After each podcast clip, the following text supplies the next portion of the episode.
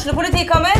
Ine Jansen er purk. Er du purk? The motherfucking bitch. Alt jeg vil, er å finne ut hva som skjedde med mannen min. Jon Carew. Er jeg sikta for noe? Iben Akeli. Det er du.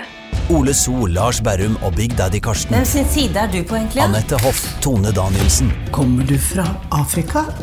Jørnis Josef, Nesten. Kløfta. Trond Espen Seim, Det er synd å si det, men det var feil mann som døde. Purk. Premiere tirsdag på TV2 Play.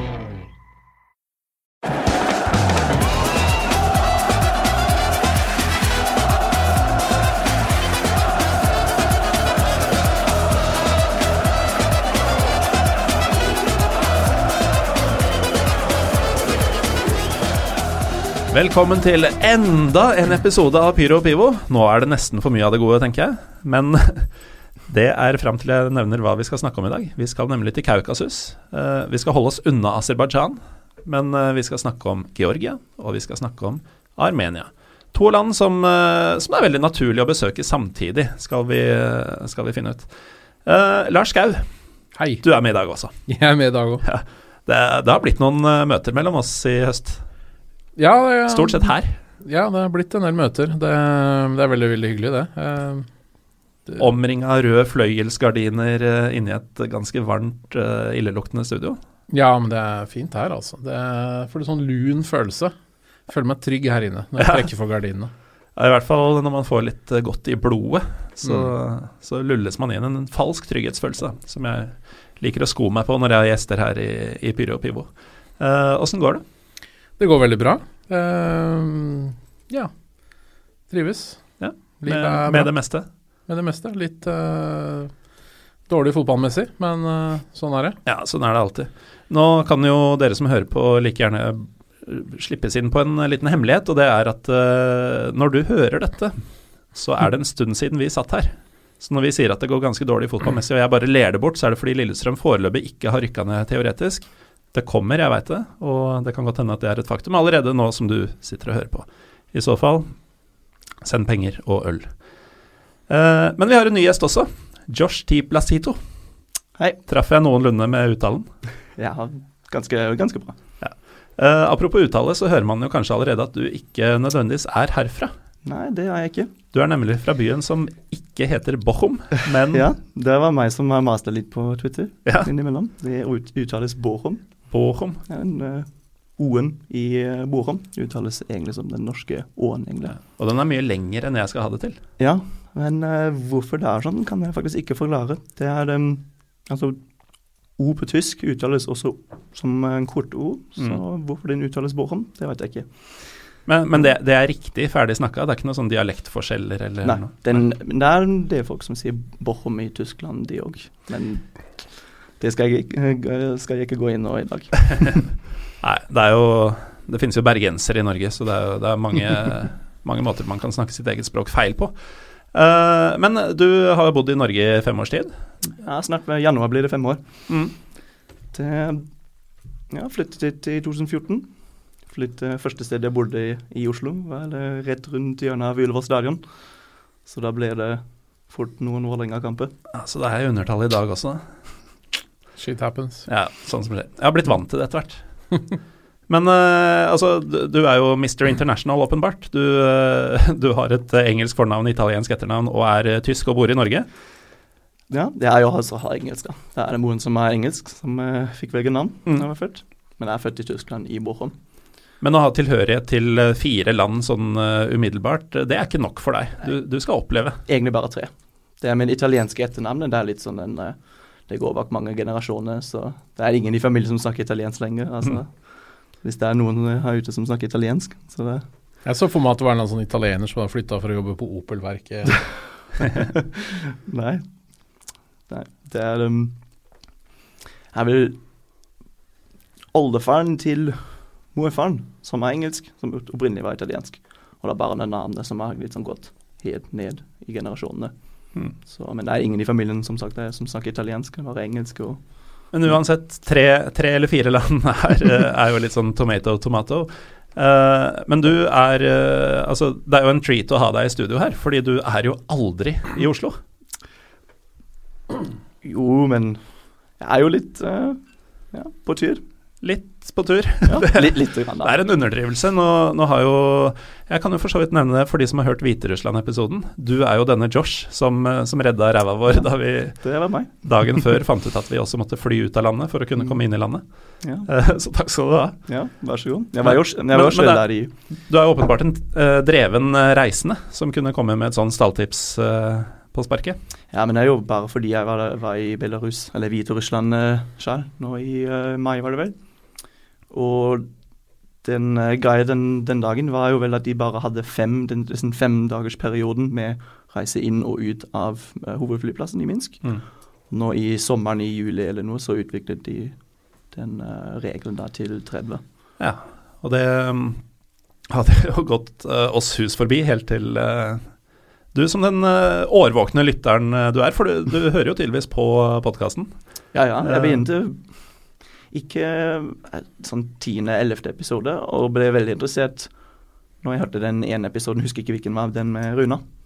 Den eh, eh, første episoden som, hvor dere snakker om Ruhrpott og hovedområdet og ja, Schalke mot eh, Ja. Dortmund og, Mm. og sånn. Så da ble jeg sånn ganske Jeg visste faktisk ikke at det fantes nordmenn der ute som var interessert i Nei, eh, Selvfølgelig interessert i tysk fotball, men ikke nødvendigvis i Bochum. eh, snakke dypere om Ruhr-området. Ikke sant. Roområdet er jo Det, er jo, det finnes folk i Tyskland som ikke vet akkurat hvor Bochum ligger.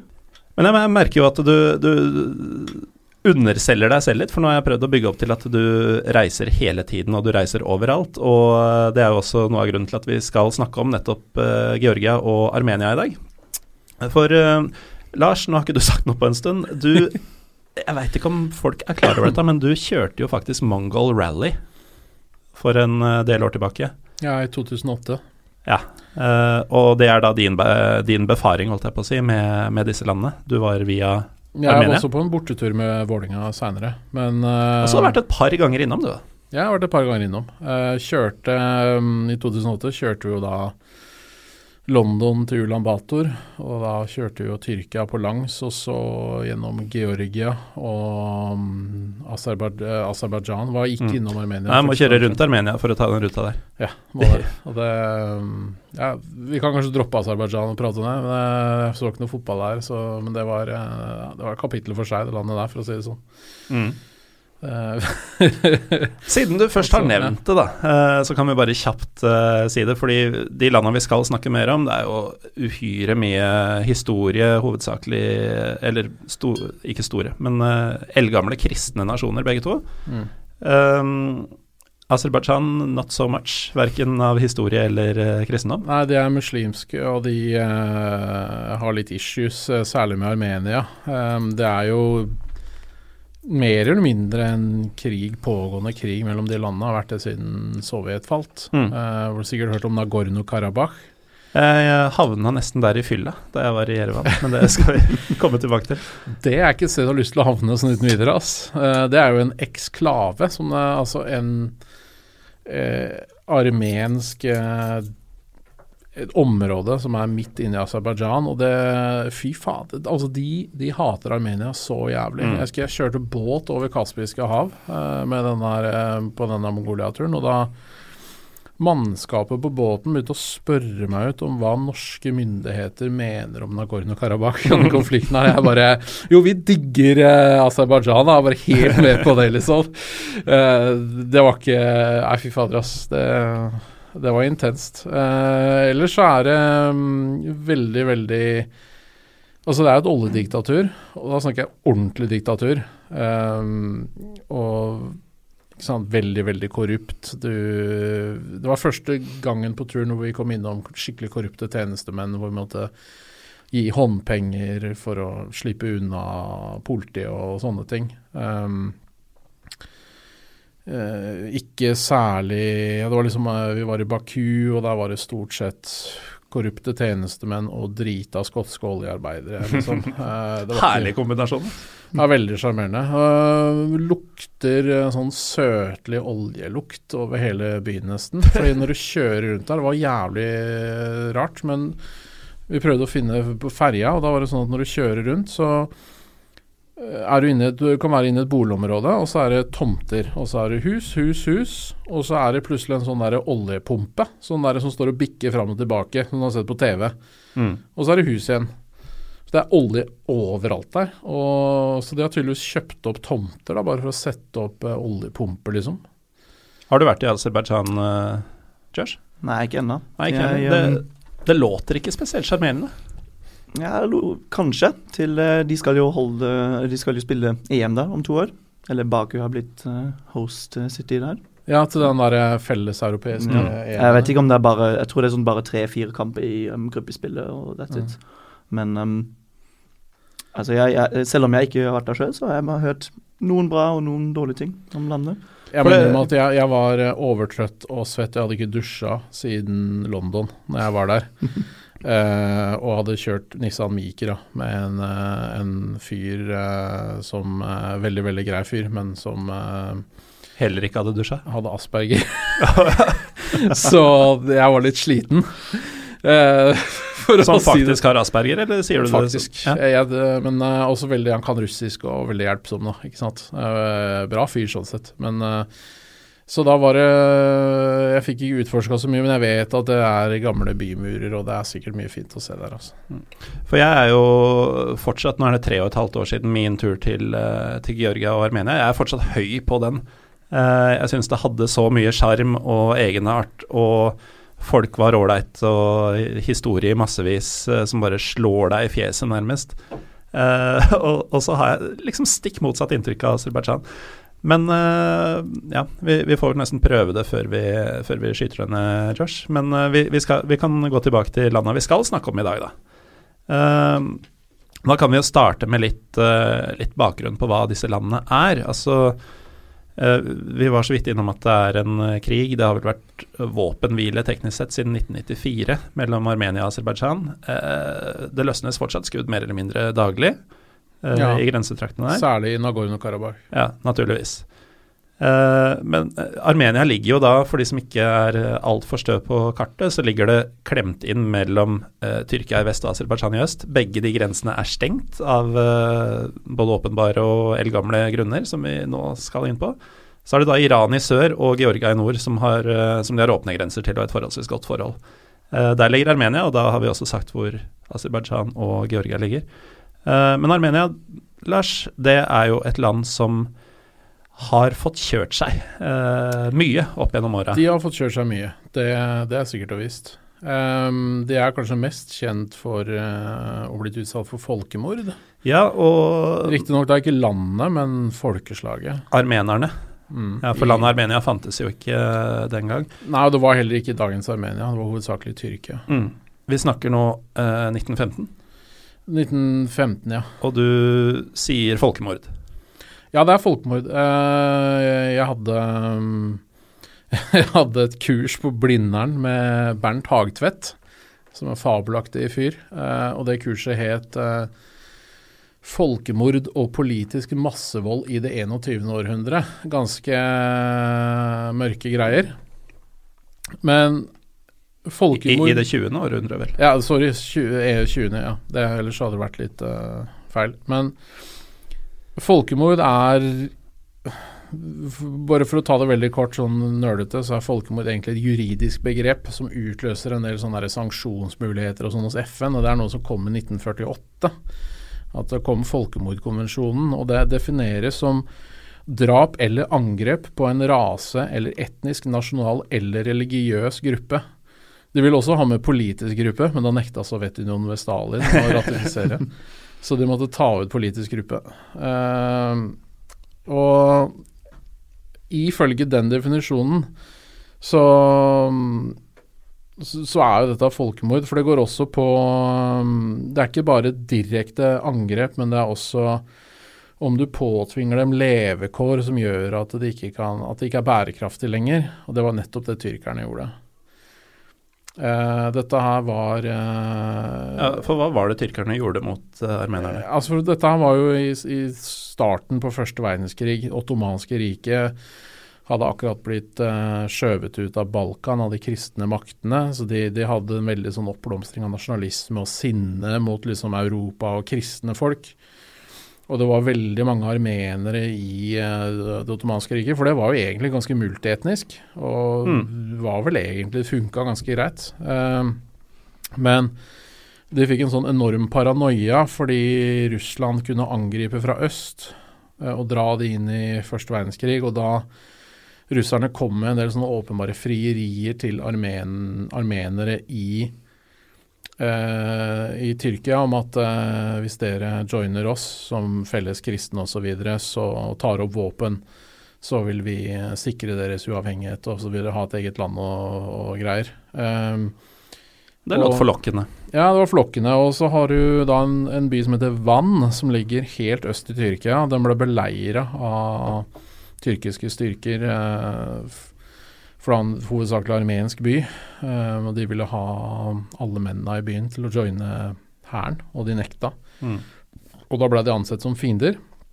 Og så ble det massakrer, masse arrestasjoner osv. Og, så og så tenkte de at eh, jeg, jeg tror tyrkerne så på armenerne blant seg som en eksistensiell trussel, så de samla sammen så mange som mulig. Og marsjerte de sørover ut i ørkenen i Syria uten mat og vann. Eh, og de fleste døde. Mange av de ble utsatt for overgrep av røvere og den typen ting. Eh, og mange av de ble rett og slett massakrert. De ble fratatt eiendelene sine. eh, og de fleste døde. Kanskje rundt 1,5 million armenere omkom. Uh, og det er jo da et folkemord etter den definisjonen, hvor du påtvinger folk et uh, omstendigheter som gjør at de, de dør, rett og slett. Josh, du var jo akkurat uh, Altså, det er et par uker siden, vel? At du Tre uker siden nå, ja. Ja. Ehm, jeg så at du fikk besøkt uh, monumentet for eh, Monumentet som er reist til for å huske folkemordet. Ehm, da jeg var der, så var det bare et par uker før 100-årsmarkeringa uh, som gjorde at dette var stengt for oppussing, så jeg fikk aldri dratt. Men det var jo hele tida noe som ble snakka om. Hvordan opplevde du noe som skjedde for over 100 år siden? Hvor, hvor viktig er det for armenere i dag? Utrolig viktig. Jeg, altså, jeg, selv om um, jeg har vært på det museet der, som uh, Du får definitivt noen inntrykk der. Det, det, jeg fikk litt gåsehud bare for å gå gjennom der. Det er masse bilder om uh, ja, disse de menneskemengdene som du snakker om, de uh, som ble drevet ut, ut i Syria. Men det var jo i tillegg til at de ble drevet ut av byene og områdene som de hadde bodd i århundrevis, så hadde de, uh, de uh, tyrkerne de opprettet jo også sånne ja, konsentrasjonsleirer i Øst-Tyrkia, som ble omtalt som ja, Vest-Armenia back in the day. Mm. Og um, Så de ble ikke bare drevet ut fra der de bodde og eh, døde på veien ned til Syria inn i ørkenen. De ble også rounded up. Og, Mm. Disse, de har jo da nå fått en stor diaspora rundt hele verden. Eh, den største er vel i Los Angeles, tror jeg. Der bor det noe sånn som tre millioner armenere i Los Angeles. Det er ikke mulig, vel? Jo, det, det er, nei, det er, ikke, det er ikke så mange. Det er det i hele det var Det hele verden var det ti millioner armenere. Største gruppering bor vel i Moskva. Fordi Armenia har Mm. fortsatt et ganske god forhold til Russland. Eh, og så er det mange i Frankrike. Det var jeg veldig overraska på. Og det har noe å gjøre med um, at det var Frankrike som Selv om det var midt inn i første verdenskrig, da, 1915, når det begynte. Og eh, så, så selv om de var opptatt av eh, med den krigen, så var det veldig mange um, franskmenn som dro til eh, området der, Kauk altså Kaukasus, for å redde dem. Og de var det første landet som på en måte fikk ut alle disse flyktninger som oppstod derfra. Altså de som fra Øst-Tyrkia som ikke uh, fikk dratt til der Armenia ligger i dag. Og så Det hadde noe å gjøre med der. En, um, det var en ting som jeg ikke visste i det hele tatt. Det var Fridtjof Nansen, som var uh, en veldig stor aktør. Ja, med Nansen-pass. Ja, Nansen-pass. Altså, jeg hadde ikke hørt så mye om det folkemålet før, men uh, i det museet så er det ganske mange sånn, altså, sånne store tavler med uh, bilder og så, historie og forskjellige kapitler, og he nesten helt til slutt sånn, eh, så er det en ganske stor, ganske stor kapittel om hva Fridtjof Nansen gjorde, og da Mm. ble jeg ganske overraska, fordi det hadde jeg Jeg gikk, eh, eh, En av de første dagene mine i Armenia, så gikk jeg nedover eh, en av hovedgatene i Jerevan. Og da var det noen sånne gamle damer som satt på fortauet og solgte grønnsaker og urter og, og sånn, som du forventer nesten å se i den delen av verden. Og så spurte jeg liksom med litt tegn og sånn om jeg kunne ta et bilde. Eh, og da er det en som går forbi som kan engelsk og spør meg hvor jeg er fra og sånn, og så sier jeg Norge. Han oversetter det til hun gamle kona som Altså, hun var jo ikke 100 år, så hun har jo ikke opplevd dette selv, men jeg kan se for meg at moren hennes, eh, foreldrene hennes, eh, sikkert nøt godt av dette. Og hun begynner å rope ut og peke etter meg. 'Fridtjof Nansen! Fridtjof Nansen!' Jeg også var litt sånn fremmed for, uh, for hvor mm. viktig han var der. Uh, jeg hadde jo med vilje gjort veldig lite research, fordi jeg syntes det virka så eksotisk og mystisk at jeg ville, jeg ville bli overraska, og det ble jeg jo i høyeste grad. Hva var Nansen-pass, uh, Lars? Ja, det var for Jeg tror det var 300 000 Los Angeles, 3 millioner, sorry. det gir mer mening. Det er mer mening. Men uh, Nansen-pass var vel uh, Det var ikke bare armenere, men det var mange andre også um, som Altså folk som ble fanga på feil side av grensene som ble tegna opp etter krigen. for at de skulle komme seg hjem uten dokumenter osv. Så, videre, så, så jobba Fridtjof Nansen fram eh, det som kalles Nansen-passet, hvor de kunne få sånne reisedokumenter så de kunne returnere til hjemlandet sitt. Det er egentlig en sånn, nærmest en sortering av mennesker i etterkant. Fordi grenser har skifta på seg, og masse mennesker har flykta og vandra ut hit og dit. Så rett og slett for å få folk tilbake der de liksom mener at de hører hjemme, da. Uten at de hadde riktige dokumenter osv. Mm. Det var en uh, enorm sånn der humanitær uh, greie. Men altså, armenere er, uh, det er De har blitt utsatt for veldig mye, og det er, det er nærmest et sånn såra folkeslag, altså. Det er um, det, det, ligger alltid i bakhuet på dem. det og fjellet, Ararat. Mm. Du har Ararat-øl, alt er Ararat, og det fjellet er jo i Ja, vi har det her òg. Ja, når du nevner det, så det fjellet er jo i Tyrkia. Det er på feil side av grensa. Og hvis du sitter på den der flyplassen, den nye avgangsterminalen eh, der, så har de en sånn panoramaglassvindu hvor du kan se fjellet fra flyplassen.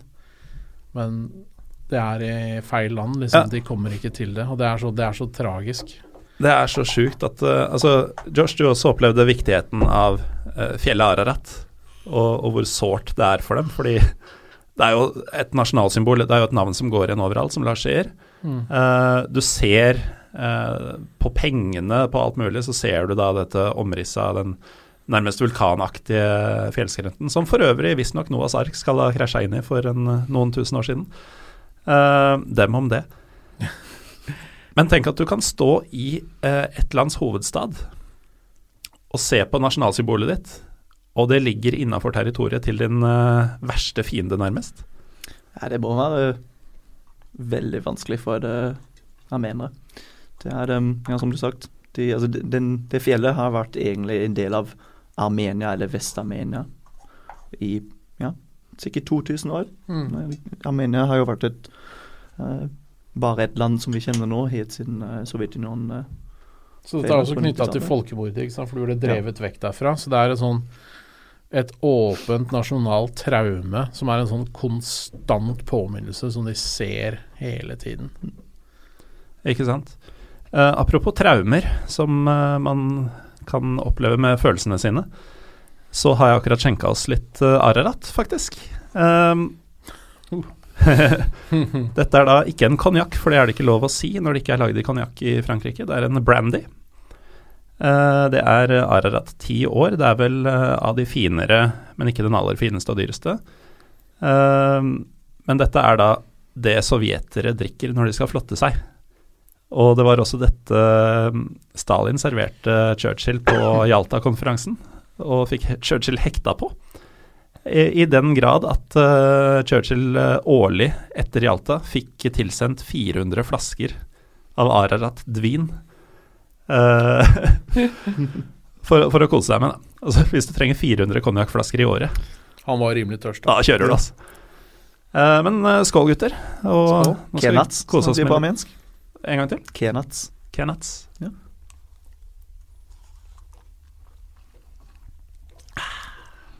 Er, er jo helt fantastisk. Jeg kan ikke så mye om Lars er ikke enig, han.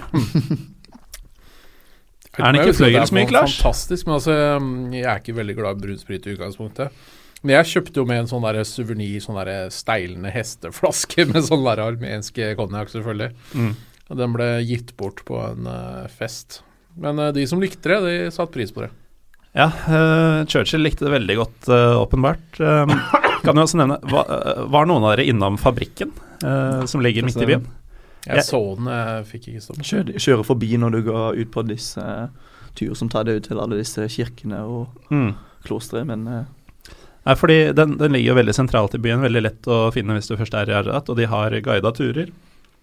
Jeg tok en sånn, og de har da, hvis det kommer utenlandske statsledere til, eh, til landet, så um, lager de da en, en batch, holdt jeg på å si. De får en tønne, eh, og innholdet der er da statslederens vekt i, uh, i brandy. Uh, Jeltsin sin tønne var den største og tyngste de hadde da jeg var der i 2015. Erna har ikke vært der ennå. Uh, men det er vanskelig å komme utenom folkemordet, selvfølgelig. Det er 100 år siden. Så har du sovjettiden, hvor Armenia egentlig vel var en fjern utpost for det meste.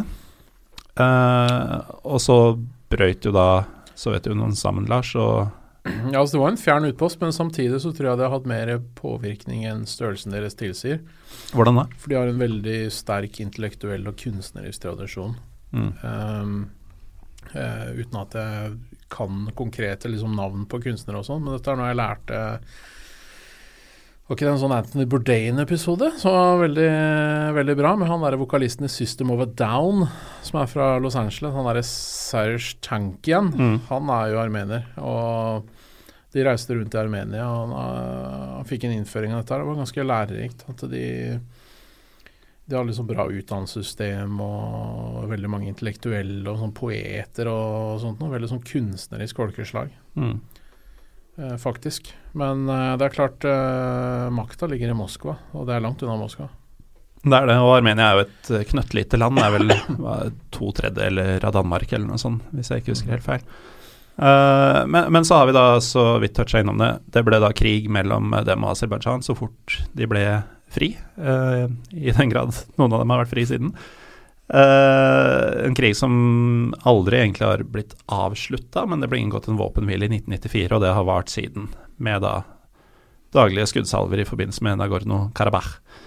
Men Nagorno-Karabakh, eh, er den den som ligger inne i Aserbajdsjan? Du Ja. har jo også den eks, eks, eksklave eller enklave, den som ligger vest fra Armenia. Den heter noe annet. Det er den som også tilhører Aserbajdsjan. Ja, det har kanskje noe på den sida òg. Den har jeg ikke Mm. hørt så mye om, eh, må jeg innrømme. Nei, men det, det stemmer det. Det er en del av Aserbajdsjan som ligger klemt inn uh, på andre sida Ja. igjen. Så det er jo, det er jo et Jeg skjønner jo at det er kaos. Tenk deg hvis liksom Gjøvik hadde vært svensk, og vi hata svenskene i 1000 år. Tenk deg Mm. Det hadde jo ikke vært bra vibber, liksom. Nei, samtidig som Karlstad var norsk. Ja. Uh, det, ble, det blir jo omtrent det. Med blokader, grenser Eller Herjedalen, og smugling og skyting og alt mulig over deg hele tida. Ikke sant? Mm. Eh, nei, så, så det er jo, det er jo en uh, greie i seg sjøl. det, det var litt om Armenia og hva slags nasjon eh, dette er og har vært. Men eh, Georgia da, Josh? Ja, jeg, um, jeg var jo, hadde veldig bra inntrykk av Tiblisi. Tbilisi. En veldig fin by som ligger eh, mellom noen fjell, og en fin elv eh, som går gjennom, eh, gjennom hovedstaden.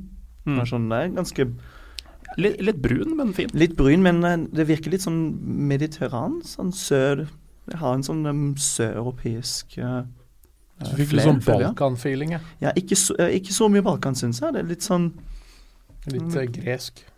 Ja, det, kanskje det. Mm. Nei, Tbilisi selv som hovedstad, da er det jo nesten akkurat som Jerevan er for Armenia. Det er en tredjedel av befolkningen bor i Tbilisi. Mm. Eller er litt over en million. Ja, for befolkninga i, i Georgia er jo vesentlig større enn i Armenia. Jeg, jeg tror ikke det er så mye forskjell. Tre-fire millioner i eh, Armenia og fem-seks millioner i Georgia, var det vel? Ja, riktig. Ja, Tiblisi har i hvert fall et vesentlig høyere innbyggertall enn uh, Jerevan har. Ja, det Eh, sånn var det kanskje. Men eh, hva, hva slags land er dette? Altså, det er jo eh, veldig uh, mye historie. En av de eldste europeiske befolkningene, vel. Er det ikke verdens eldste kristne nasjon? det er Armenia. Det er Armenia. Det er Armenia som um, var det første land som ble kristen i 302, eller noe, etter, etter Kristus. Og så var Georgia fulgt uh, rett etter det. Mm. Mm. Men uh, ja, de landene, altså hele området der, bortsett fra Aserbajdsjan, de landene har den, ja, som du har sagt, en eldgammel tradisjon som har vært kristen i ja, Mm. 1600 år. Og um, det merker man. Det er en veldig konservativ stat. Ja. Um, Og så har de jo um, De ligger jo noe lenger vekk fra si Iran, Syria, Tyrkia enn det Armenia gjør, men desto nærmere Russland. Uh, har jo blitt litt, uh, litt press derfra opp igjennom. Ja, Det har blitt uh, litt action gjennom årene.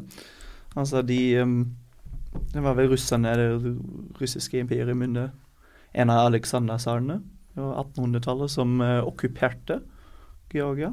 Eh, og det var i, I starten var det vel nesten som uh, russerne lovet armenia, armenere i første verdenskrigen. At de skulle stå mot altså som kristen nasjon. Det var nesten det samme gjorde de med Georgia. Så Georgia brukte det som en det, det var ikke en uh, invasjon, som man uh, kanskje ville kalle det for. Det var en okkupasjon, men det var ganske strategisk. Mm. For at de kunne etablere seg mot disse muslimske statene i sør, Mm. med Persia og uh, ottomanske riket. Og siden så har det vært en naturlig link mellom uh, Russland og Georgia. Ja, den, uh, det Kaukasusfjellene der. Du har jo ja, Mount Kasbek, det høyeste Nesten neste eller tredje høyeste fjell i Europa. Og så ligger Det er også en ting som mange ikke vet, at høyeste fjell i Europa ligger ikke i Frankrike. Det ligger i Georgia. Den heter Mount Elbrus. Mm. 5700 meter er den vel høy. Mm. Og den, um, den uh, Man kan gå opp hele fjellet, men da må man gjøre det fra den russiske siden. Uh, fordi den er ikke tilgjengelig. Kan ikke gå på, det, på den georgiske siden. Men Som toppen- Ararat nesten for, uh, for armenerne. Nesten, ja. Eh, Den ligger akkurat helt på grensen. De deler fjellet i seg sjøl. Men eh, toppen ligger i Georgia, så derfor claimer de Det er interessant, er fordi i ifølge Wikipedia så står fjellet oppført som russisk. Mm. Det Ja, vel det er fordi noen man kan gå opp. Jeg, jeg kjenner en, jeg har møtt en kar som har gått opp fjellet, det var ikke så lenge siden. Og han måtte gjøre det fra, russ, fra den russiske siden. Men det er høyt, altså da snakker vi oksygentank og full pakke, eller? Jeg tror ikke det. Ikke, jeg, jeg tror 5500 meter er sånn litt sånn innafor. Kilimanjaro i Afrika er jo enda høyere. Og da kan du også gå opp i, uten oksygentanke. Den er ved seks, knapt 6000 meter eller noe. Eh, men så, så kom jo 1900-tallet, og mm, sovjettiden ble jo gjeldende også for Georgia i høyeste grad. Eh, jeg var på Nasjonalgalleriet der eh, sammen med en Litt uvisst hvorfor, men jeg, jeg dro dit sammen med en australsk fyr på 60, noen og 60 år. Som jeg vel hadde treffet på hostellet dagen før, eller noe sånt. Vi, skulle, vi hadde samme plan, så vi dro sammen. Og der fikk jeg svar på det. Eh, men i hvert fall, det er jo som på andre museer. Det er jo stille, du hører skrittene til folk, og liksom folk går og leser og studerer og kremter litt og sånn. Og så er vi da på mm, delen som hadde om sovjetokkupasjonen. Og så plutselig så bare smeller det fra denne nærmest pensjonerte australieren. The fucking Russians are a disgrace! og da var det en i andre enden av rommet som klappa. Eh, så Georgia har jo ikke et spesielt positivt forhold til, eh, til eh, store deler av 1900-tallet. Og til tross for at Stalin var georger. Han var jo nesten kjipest mot dem av alle. Og så har man jo da tenkt nyere tider etter fallet og sånn, men det har jo ikke gått helt etter planen her heller. Da jeg var der i 2008, så var det jo mobilisering. For det var jo like før Russland angrep. De gjorde vel det to uker etter vi dro, eller noe sånt. Ja, såpass, ja. Og da tok de den eh, Hva er det det heter for noe? Det området som russerne er Ossetia. Ossetia Sør-Ossetia Ja, og Abkhasia. Abkhazia. De Det invaderte det. kysten. Ja. Det var når de hadde han derre Husker jeg ikke hva han heter, han derre eksotiske presidenten som var veldig USA-vennlig. Mm. Som ringte opp CNN på direkten for å fortelle at Russland hadde invadert landet hans. Og satt med kart i bakgrunnen og pekte på de russiske troppene her og her. Mm. CNN bare ok, liksom. Bare helt uh, vilt. Uh, han hadde oppkalt veien til flyplassen for George W. Bush Boulevard. Så den kjørte vi på, faktisk. Uh, det er vel også sånn at de er energiavhengige av Russland.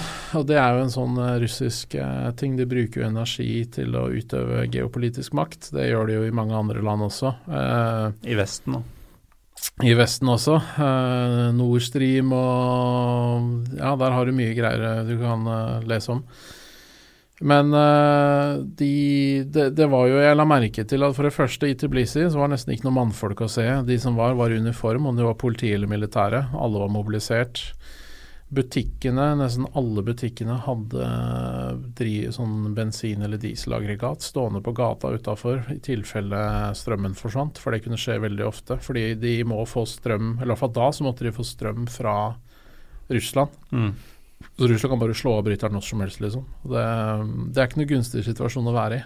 Man ser jo litt, uh, litt likhetstrekk mellom dette og det som skjedde på Krim, i, eller i Ukraina, i 2014. Du hadde da en uh, strategisk viktig nasjon for, uh, for, russerne som aktivt viste, viste at de søkte vestover, og det kunne man ikke ha noe av.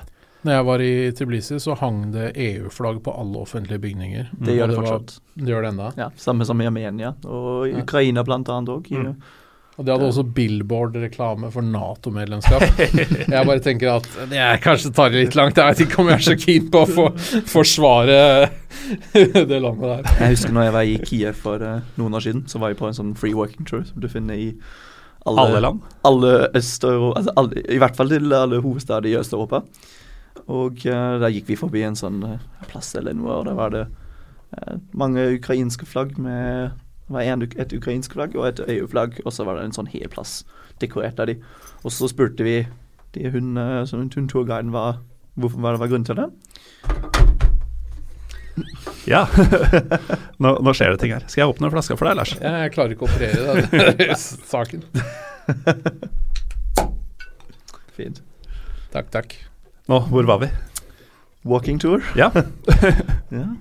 Nei, de, um, hun tourguiden, vi, vi spurte henne om hva som var greia bak det, eller grunnen til det, og hun sa de um, bruker det som en um, ja, motivasjon til å gi til, uh, vest, eh, til uh, vest, vestlige delen av Europa, eller EU, for at de kan se at de bryr seg om Vesten. Mm. Fordi de fleste av disse land som Det er jo en grunn til hvorfor krigen begynte i 2008 mellom Russland og Georgia, var jo at den vestlige kursen på en måte som uh, Georgia drev med, de søkte jo aktivt EU-støtte og Mm. uh, Nato-medlemskap og sånn, og det var Russland ikke veldig fornøyd med. Så Så det er propagandaverktøy, rett og slett?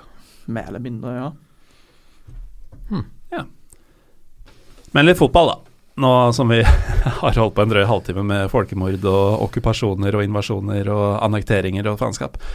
uh, Georgia har jo historisk sett vært det beste fotballandet av disse to. Uh, kanskje først og fremst fordi fotball har vært en sport de har brydd seg om. Mens i Armenia har det vel stort sett vært bryting og sjakk. Mm. Uh, I hvert fall inntil nyere tid, som vi skal komme tilbake på. Men hvis, hvis du hører Georgia, Lars, i fotballsammenheng, vel å merke, hva er det første som, eh, som faller deg inn? Nei, man kunne jo kanskje sagt uh, Georgi Kladse og sånn, men jeg tenker jo uh, Elevan Melkadze, som er uh, en Vålerenga-spiller som ble signert i 2006. Og det bøtta en mål for Dynamo Tiblisi, og det var sånn sein deadline day-signering som kom ut fra ingenting. Så antageligvis en eller annen agent som har dukka opp på Valle og bare deala dette greiene her sammen. Og det, det derre bildet av han etter han hadde signert, som dukka opp på weben uh, han så jo ut som han hadde blitt lurt. Han, Mm. han som, jeg, som jeg sa, han så ut som Robert De Niro i Taxi Driver. Han så ut som Melkatse eller agenten? Melkatse. Agenten smilte nok ganske godt, Uh, for han, han fikk én kamp for Vålerenga. Og det var det, og så ble han løst fra kontrakten. Men altså, han, han var jævlig god i Dynamo Tiblisi, da, vel å merke. Men eh, nei, han uh, fiksa ikke livet i Norge, helt åpenbart. Mm. Og forsvant tilbake til noe kasakhstansk fotball eller noe sånt. Nå. Hva tenker du, Josh, om eh, georgisk uh, fotball? ja. Jeg har egentlig ikke noe forhold til georgisk fo- fotball, men uh, Ingen av dere så kamp der, ikke sant? Nei, dessverre. Nei. Jeg var jo der når altså landslaget spilte i Nations League, det var en bortekamp, Mm. så jeg fikk ikke sett kamp der. Det var, det var ikke noe lokallag, og jeg skal ikke dra helt langt ut av byen for å se tredjedivisjon i Georgia, så fotballgal er jeg ikke. Nei, det, det skjønner jeg godt, for eh, jeg eh, så jo kamp der. eh, men, og, og du skulle jo få oppreisning seinere på turen, da du var i Armenia. Det skal vi komme tilbake til. Men jeg, jeg, har jo sagt dette i flere episoder og i ganske mange sammenhenger opp gjennom åra, men det er nok av de si topp tre tristeste utenlandske fotballopplevelsene mine. Det var da jeg så Dinamo Tbilisi mot Dila Gora. Dila Gori. Gori, som for øvrig er Stalins hjemby. Yes. det er tilbake vi, um, vi kjørte gjennom det med Mikran. Og Jeg har ikke vært der, men jeg har hørt at det, Stalin står sterkt. Altså, det er Jo, men dette er så jævlig absurd, for det var mørkt, det var seint om kvelden. Vi hadde ikke sovet ordentlig på fire døgn eller noe sånt nå. Og så kjører vi inn i den byen. Vi visste ikke at Stalin var derfra, det visste jeg ikke da. Vi kjørte gjennom Gori, og så bare følger vi liksom hovedgata gjennom byen, og da kommer vi til en plass, og der er en statue. Så stopper vi og parkerer bilen utafor der. Det er statuen av Stalin, som vi står da på sånn der klokka to om natta eller noe sånt. Og bare Å ja, det var han. Så er det for mørkt å ta noen bilder eller noen ting, så vi måtte bare kjøre videre. Our pride and joy. Liksom. Skikkelig random. Ja, Det, det er visst et eget Stalin-museum, og det er sånn. 'Welcome to the home place of Stalin', og det er, det er ikke måte på. Ja, visst uh, Ja, det, det, er ikke helt sannferdig, har jeg lest, det, det museet. Men uh, Nei, de tar seg friheter. Det maler litt uh, pent. Ja. Som jeg har forstått det, så kjører de den turist, det som turistattraksjon. Mm. Jeg har ikke vært der selv, men jeg møtte jo en del folk som, som har vært der, og de sier det, de er ganske stolt over at Stalin er derfra. Det er helt utrolig. Altså. Men uh, i hvert fall tilbake til kampene. Uh, greia var at uh, jeg, jeg, spurte på hostellet omtrent da jeg kom, fordi jeg hadde sett på tabellen. Dette må jo være en storkamp. Du har Dinamo Tiblisi, som er en historisk stormakt, mot da Og de lå vel på andreplass på tabellen da. Dette var i ja, det var påsketider, så å si kanskje tidlig april. da. ganske seint i sesongen. det var nummer to mot nummer tre. Og vinneren av kampen ville ta over serieledelsen på et ganske seint tidspunkt. Våren hadde kommet, det var ganske fint vær. Um, kommer jeg til å få billett? Var liksom, ja. Uh, jeg hadde ikke gjort all verdens research. da Det viste seg jo først og fremst at kampen skulle gå på uh, Boris Pajchadze, som er nasjonalarenaen. Uh, den har du sett? Det er den med 50 000? Ja, den er ikke den er, den er stor nok for georgisk ligafotball. Ja. Det, det, er lov å si. 54 000 eller noe sånt, tror jeg det var. ikke på kampen, men plass til. Og de bare de, de, skjønte ikke spørsmålet i resepsjonen på for øvrig Envoy hostell. Samme hostell. Ja. Uh, ja, der er jeg altså. Har du òg? Ja, det var der vi bodde, var det ikke det? Liksom, jo, nei, vi var ikke der sammen, Lars. Nei, det, nei, det vet jeg ikke, men for så vidt. Men uh, dæven. Altså, vi alle tre har bodd der uh, hver for seg. Ja. Det, det, er den naturlige løsninga, åpenbart, når man skal til uh, Tiblisi. Ja, den er vel den uh, høyest uh, den, Det hostellet med høyest rating i Tiblisi, og for øvrig og i Erevan. De har, det er en sånn partnership-greie med at uh, de kjører tur fra Tiblisi til Jerevan. Ja, det var Jerevan jeg bodde på Envoy. Der bare det også ja, på Envoy. Det, det gjorde jeg òg. det er også en i Phnom Penh, men der har jeg ikke vært ennå. jeg har vært i Phnom Penh, men mange år siden, og der, der var jeg ikke på Envoy. Tror jeg, i hvert fall. Jeg skal da bo på det, på det kristne hostellet Envoy hvis jeg kommer meg til Kambodsja. Men uh, i hvert fall, de, de, skjønte jo ikke spørsmålet, rett og slett. Sånn, hva, hva, er det du prater om? For det første er ligakamper gratis, fikk jeg vite. Fordi det kommer ikke folk. Uh, og så sjekka de litt opp for meg, da. Og det viste seg at nei, akkurat denne kampen koster faktisk to lari. Som uh, vel på den tiden var sju kroner. Ja, det er vel Fordi det er en storkamp. Og så uh, tar jeg da T-banen etter litt om og men. Uh, tok noen av dere T-banen i, uh, ja, i Tbilisi? Det gjorde jeg. Ja. Alle stasjonene er like? De er ikke like imponerende som i Moskva eller Nei. Kiev eller Nei, men en ting Fikk du sånn derre oransje plastpollett? Ja. Veldig snodig. Men det, altså, hvis du ikke veit nøyaktig uh, si ordbildet, da, for det er jo et spagettispråk, uh, skriftspråk, det er bare masse kruseduller. Veit du ikke nøyaktig hvor du skal, så, så, er det ikke noen mulighet for deg til å vite hvilken av Altså skal du på den til venstre på perrongen, eller den til høyre? Den som går den veien, eller den veien? Fordi um, de, de, er jo bare merka på det språket. Og tar du den fra en stasjon til en annen, så ser du ikke forskjell på der du gikk på og der du går av. Det er liksom Interiøret er kliss likt overalt. Så jeg fant ut ved en tilfeldighet egentlig at jeg var på vei i feil retning, og gikk av på etter et par stasjoner og snudde. Uh, men det ordna seg, da. Finner stadion. og Um, må jo gå rundt dette gigantiske anlegget for å finne billettboden.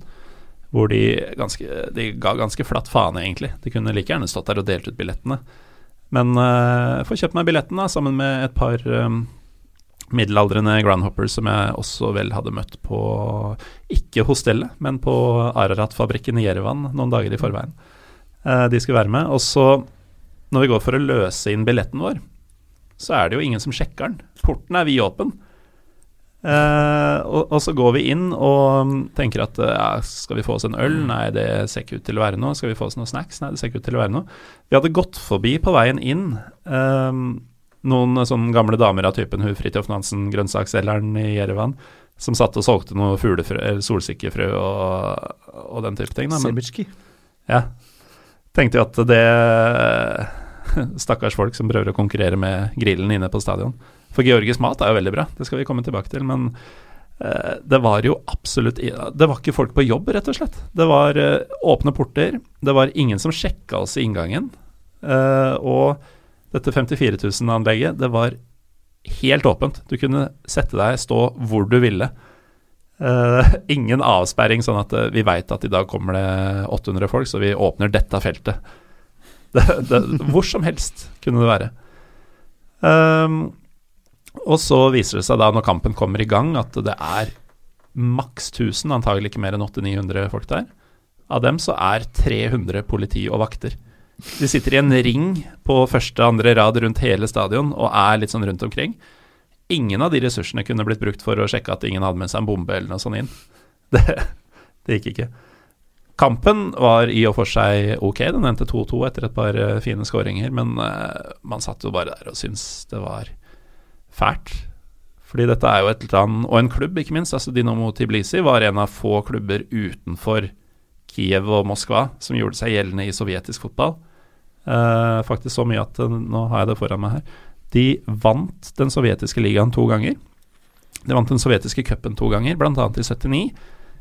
Jo, men altså jeg, jeg, tenker på det, Kanskje bare fordi jeg er fotballnerd, men jeg tenker på liksom Dynamo Tiblisi som et litt sånn respektabelt navn i fotballhistorien. da. Ikke sant? Og det er de. Og, og, det var så sjukt å se hva de har redusert til.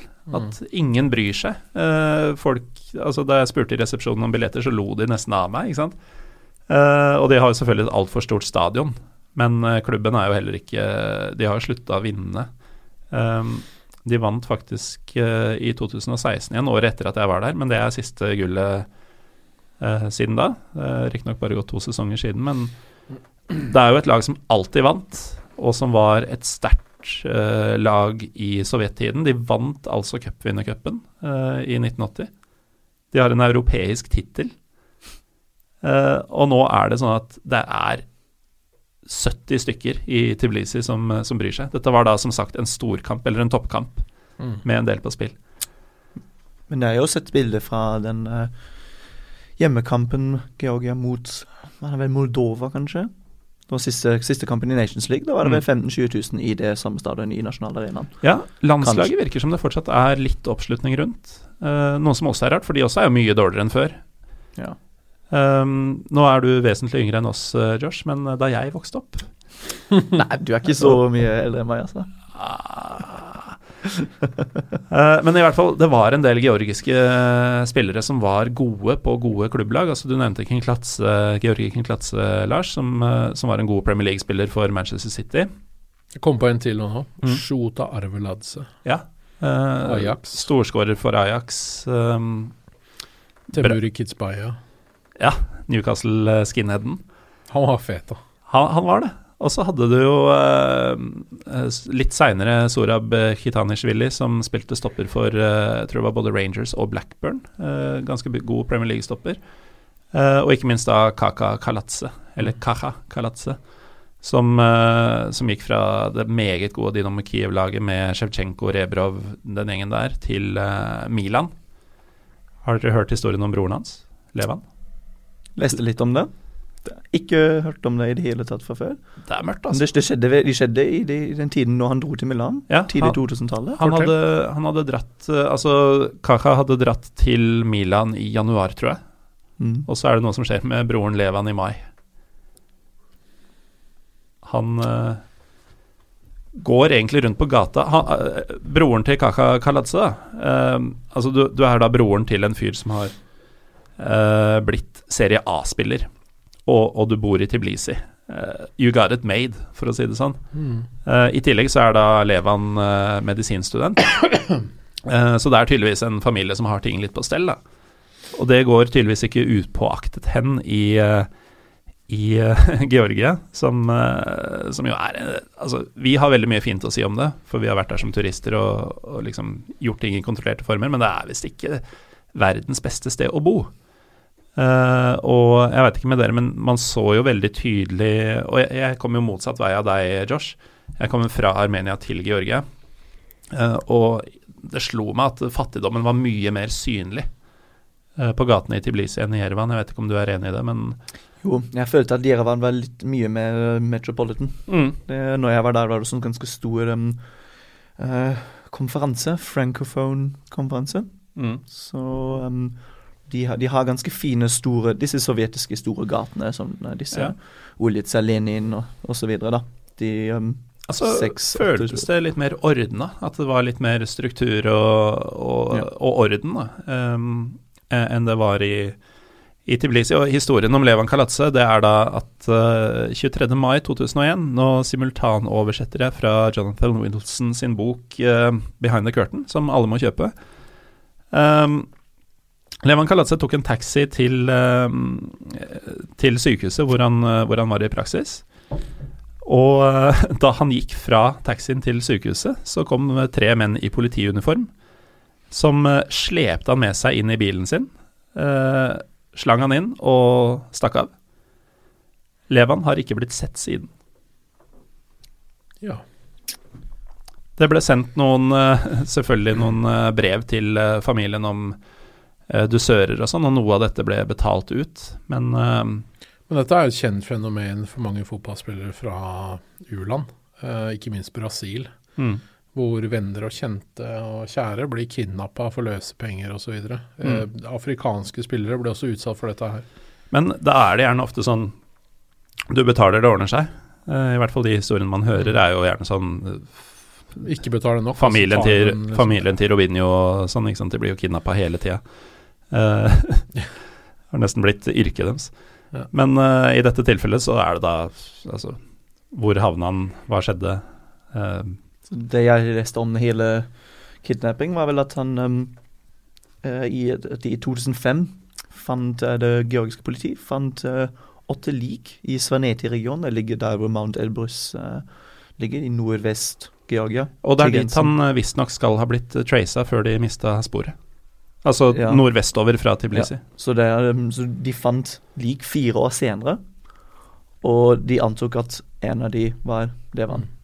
Men uh, så tok det ett eller to år til før de faktisk um, ja, de kunne konfirmere med hjelp av amerikanske FBI eller noe at, de, at det faktisk var Eller han har blitt uh, Han har blitt um, identifisert som død. At han, Det er var også veldig typisk sånne land at uh, hovedstaden så er ting kanskje litt sånn halvveis på stell, fordi du har så mye politi og, og sånt nå. Så landsbygda er liksom skikkelig lovløs. Mm. Ja, det, det er nok uh, definitivt tilfellet i, i Georgia. Um, men uh, Josh, som, som tysker, så har vel du Det har vel vært et par georgiske spillere innom din, din bane?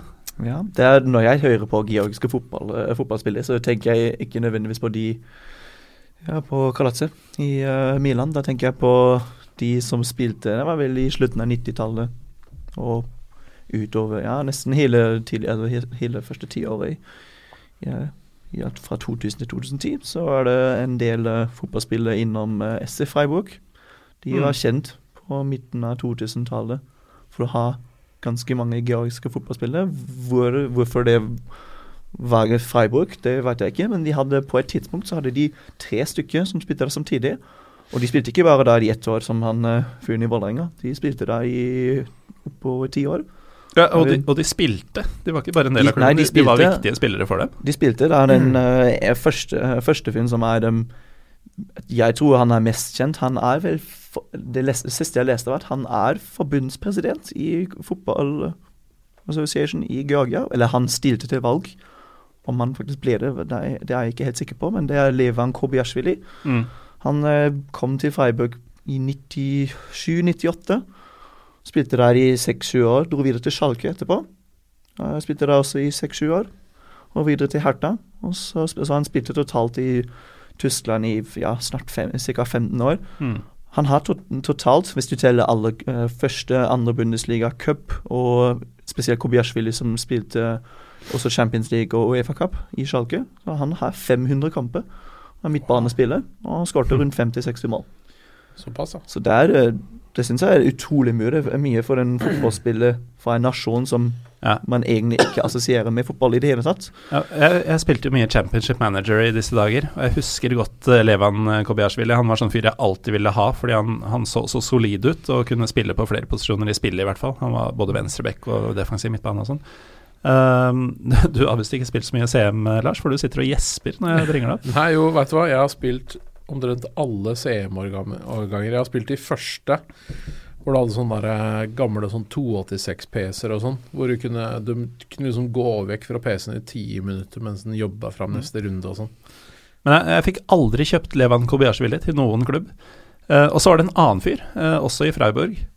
Um, Alexander Jashvili, tror jeg han het. Ja, Alexander Jashvili, han, han, jeg tror han kom til Freiburg i samme år eller året før. Han spilte i Freiburg i ti år. Han var eh, spiss. Og så etter de ti år så gikk han videre til Karlsrud og spilte faktisk i Bårum også. også. Se her, da. Ja, 2012, eh, 2012-13. Bare ett år. da. det var litt sånn for å bli slutt med karrieren i Tyskland før han dro tilbake til Tbilisi. Til Dynamo Tbilisi, faktisk. Og han, siden han var spiss, han, eh, spil, han spilte totalt i 15 år i Tyskland. Han hadde nesten like mange kamper som Kobiashvili, med rundt 480-500 kamper. Han skåret 95 mål og 100 assists. Og der, um, ja, i tillegg til han Kobayashvili, da tenker man at en spiller, fotballspiller fra en solid nasjon, at de faktisk klarer å etablere seg i Tyskland, i et Mm. så stort fotballand, og spille hele karrieren der, det syns jeg er veldig um, Altså, de har jo antageligvis en, en sterk fotballtradisjon i Georgia. Det er bare at uh, de, har, de, har, de er ikke så gode eh, nå om dagen, men er også Nei. Nei, men Historisk sett så har Georgia vært ganske gode. Altså Nå var det jo en del av Sovjet, så eh, staten Georgia har jo aldri vist seg fram. Men uh, Nei, for det sovjetiske landslaget var jo ofte Dynamo Kiev, mm. med et par russere, liksom. Ja. Så de hadde mye å ta av, da. Men uh, georgerne hadde et rykte på seg for å være, la oss si, Sovjets brasilianere. Da. At det var en Mm. leken type fotballspiller som, som var uh, Det var georgere. Um, og King Klatz er jo en god uh, indikator på at det stemmer. Men uh, Veldig kul spiller. Jashvili tror jeg faktisk hadde 20 i finishing på eh, en CM-årgang. Fikk aldri kjøpt han heller. Um, men det, er- det er jo Nå har vi faktisk fått litt sånn førstehåndsgreier om georgisk fotball. Jeg tror vi lar det ligge med det, for det er ikke så mye å si. Um, Det er én ting til jeg har Ja. å nevne. bra. Den hele historien med at det er så mange georgere i uh, Freiburg. Så det var, det var tre stykker samtidig som spilte i Freiburg. I, Finnes det en forklaring på det? Det er sikkert en agent eller noe, men uh, treneren i Freiburg, som var der i vel 17 år, Folka Finke, han var der fra midten av 90-tallet til 2011-12-13 eller noe. Han var, Mm. det han var lengste sittende treneren i Bundesliga fram til det tidspunktet der. Og um, han hadde vel sikkert gode kontakter til Georgia, men hvorfor det bare var Freiburg, det vet jeg ikke. Men uh, det som var så morsomt med disse, uh, disse georgiske fotballspillene I Georgia så heter jo alle, eller ganske mange, etternavn ender jo med Willy. Mm. Willy og Atse, ja. det er liksom det Ja, de det er de to mest uh, ja, de, alle, Nesten alle etternavn slutter med Illi eller Atsuda. Og så I tillegg til han Levan Kobayashvili, Aleksander Iashvili, så hadde du også en Levan til, uh, Tsikicvili. Uh, og de spilte rundt samme De spilte alle vel samtidig. Og så hadde du en kar til som het Han var ikke georgisk, men han het Tobias Willy. så på det tidspunktet så ble de kalt for de fire, fire The Willys. Four Willies. Ja, The Four Willies. Og eh, ja, så var tre av de var georgisk, og Tobias Willy var ikke det. Men uh, han var ved sånn uh, midtbanemotoren ved siden av uh, i høyre midtbanespillet, ved siden av Kobiashvili, som var ved, Mm. på venstresiden. Ja, så de, de kjørte ganske Jeg vet ikke hvorfor, men jeg husker at Kobiashvili var venstrebein. Jeg, jeg jeg, jeg husker liksom ikke å ha sett den spille, men jeg må ha gjort det. Ehm, når det er sagt, nå har vi vel nevnt tre Levaner. Og vi har ikke, vi har ikke liksom ramsa opp dritmange georgiske navn. Det må være som Lars der nede. Som noe alle heter. Jeg tror nok det. Det er jo Det ser du også i Armenia, så er det veldig mange som heter Ayan til slutt, ikke sant. Mm. alle navn i, Georg- i Armenia ender med Jan. Enten staver du med YAN eller IAN. Mm. Det er, må- det må det. Det er, litt, det er ikke som er Nesten som i Bulgaria, hvor alle navnene ender med off, eller i uh, Polen, hvor ganske mange navn ender med ski. Men i Armenia er det utelukkende enda alle navn. navn. Absolutt alle. Absolutt alle. Det, var, um, det ble fortalt om når jeg sp uh, spurte om uh, hva, de, hva de syntes om Henrik uh, Mkhitaryan. Så, ja, og Kardashian, for eksempel. Jeg, jeg hørte nå at uh, du har også spurt folk hvordan man uttaler det etternavnet. Ja. For du sa det akkurat sånn som jeg fikk det forklart. Ja, jeg, jeg, føler, jeg, jeg føler jeg vil eh, prøve i det minste å eh, vise at jeg bryr meg om kultur Ja. og Ja, det- språket deres. Ja, Akkurat det jeg spurte om også da jeg var der. Eh, men da, da er vi over på Armenia, da. Og vi er over på Henrik uh, Mkhitaryan, um, som ikke er georgisk, Lars. Nei. Han Eh, kalt for Heno, har jeg hørt det. mm. Fordi jeg lurte på hvorfor han ble Han, han er kalt for Henrik. Jeg, jeg syntes alltid at hen, Henrik er et uh, nordisk navn, eller Ja. ganske nordisk. Og at en uh, kar i Armenia heter Henrik, det forundret meg litt. Men uh, i Armenia så blir ble han bare kalt for Heno. Det er sikkert bare kallenavnet hans. Ja, så når man spør hvorfor heter en armener Henrik, så får du egentlig bare svar Nei, men vi kaller han ikke det. Og da, da får det være greit. Ehm, Lars, du har jo faktisk sett fotball i Armenia, du. Det, det fikk ikke jeg gjort. Men uh, fotballnasjonen Armenia, er det en fotballnasjon? Ja, Det er tynt. Det er en sjakknasjon. Det er jo det. Det er det. Sjakk og bryting. De er veldig gode i sjakk, eh, til gjengjeld for det. Men uh, nei, altså, Jeg tror de er har sjakk som skolefag, faktisk. Ja, det, det stemmer nok. Jeg fikk jo også beskjed når jeg spurte de, de eh, av mennene om hva de syntes om fotball, og hvordan Mkhitaryan har påvirket liksom, imaget til uh, fotball i Armenia, så har de fleste fortalt meg at de, um, de har gjort uh, selvfølgelig ganske mye, spesielt når han spilte i uh, Dortmund. Mm. Det var jo litt sånn tiden altså, eh, Han kom vel fra var det, var det Donetsk? Eh, ja, sjakk Ja, ja, fra Shakhtar til, til, eh, til eh, Dortmund. Og der gjorde han jo så det er veldig bra. Og allerede da tror jeg han kosta en del penger. Uh, nå, nå lever vi av sånne summer i dag, men jeg tror det var sånn 20-25 millioner euro. Det er syk rekruttering av sjakter, da. Og hen, Mm. For at dem spiller på høyt nivå. Og det å ta en fyr fra armenske ligaen, liksom, og skjønne at han kommer til å takle det nivået de driver med, Ja. det, er ganske, det er ganske rått. Det er godt gjort. Uh, men de, de fikk jo virkelig betalt for det. da. Han Ja, det herja det. jo for dem, og, og de tjente jo enorme penger. Jeg vet ikke hva han kom for til Sjaktar, men Ja, Det var ikke mye, antagelig. det er kanskje en million kroner, liksom. Ja, men Shakhtar er jo kjent for å være en sånn klubb som rekrutterer fra folk fra nesten alle verdens deler. Altså, hovedsakelig Mm. Brasil. Du har jo spillere som uh, William, som uh, Mm. gjort seg bra nå i Chelsea, og andre spillere. Så de er, de er et veldig ganske bra rekruttlag, nesten. Merker vi må lage en Ukraina-episode en gang, fordi eh, det Sjaktar har drevet med i vet ikke, jeg, 15 år nå, eller noe sånt, det er enorm scoutingvirksomhet. Mm. Eh, de, har, de har peil på det de driver med. Ukraina er jo en enorm fotballnasjon. Så Lobanovskij og Dynamo Kiev Ja, nei, vi, vi, må- vi må kjøre en eh, Ukraina-episode, merker jeg. Jeg får oss der mener for nå, kanskje. Ja, vi, vi, kan prøve. Det er pyro og pivo. Vi veit aldri hvor det bærer. Men øh, ja, det er jo Henrik Mkhitaryan. Det er vel ikke noe særlig flere spillere man har hørt om opp igjennom? Nei, det kan det dukker opp noen folk Du, du ser det hvis du spiller football manager og sånn, som, som Sheriff Tiraspol kanskje har en armener, liksom. Ja, det Og så er det noe diaspora rundt omkring, da. Ja, for, for det er jo Vi var jo litt innom det i stad. Det er jo enormt mange armenere rundt omkring i verden. Uh, I Frankrike, blant annet. Og da, der har de hatt en, uh, hatt en rolle i fotballen også, mm. Uh, Lars. Ja, burde det. Ja, eller Josh. Det er et uh, par verdensmestere, faktisk, fra 98. Kan jeg Verdensmester fra 98. Ja, Er Juri Djorkaev armener? ja faktisk. Han er det? Eh, selv om han uh, slutter på F, så han er nok ikke fullblods, men han, uh, han er av armensk Jeg avstamning. måtte tippe, faktisk. Og den. den mindre kjente defensive midtbanespilleren Ala Bogosia, Mm. Eh, som sikkert uttales Bohosian eller noe sånt nå på, på eh, armensk, men eh, Også en NHL-ishockeyspiller heter Bogosian, faktisk. Ja, mest sannsynlig en LA-oppvokst armener, Ja. vil, jeg, vil jeg tro. Men det er jo virkelig ikke mye fotballhistorie som, som vi i Vesten har noe forhold til her, men eh, begge dere har sett fotball der, og vi kan begynne med deg, Lars, fordi jeg veit at Josh sin historie fra armensk fotball er mye mer interessant. Ja, nei, men det er flott. Da, da gleder jeg meg til den. Eh, nei, altså, det var jo Vålinga da. Jeg møtte FC Mika i eh, kvalifisering til Europa League i 2011. Et lag som eh, ikke er finsk. Nei, det er ikke armensk. finsk, det er armenske, og de er nå døde. Det var et sånn oligarkprosjekt for jeg tror det var han presidenten, eh, faktisk, som, eh, som eide det. Han eide vel også Armavia, det nasjonale flyselskapet.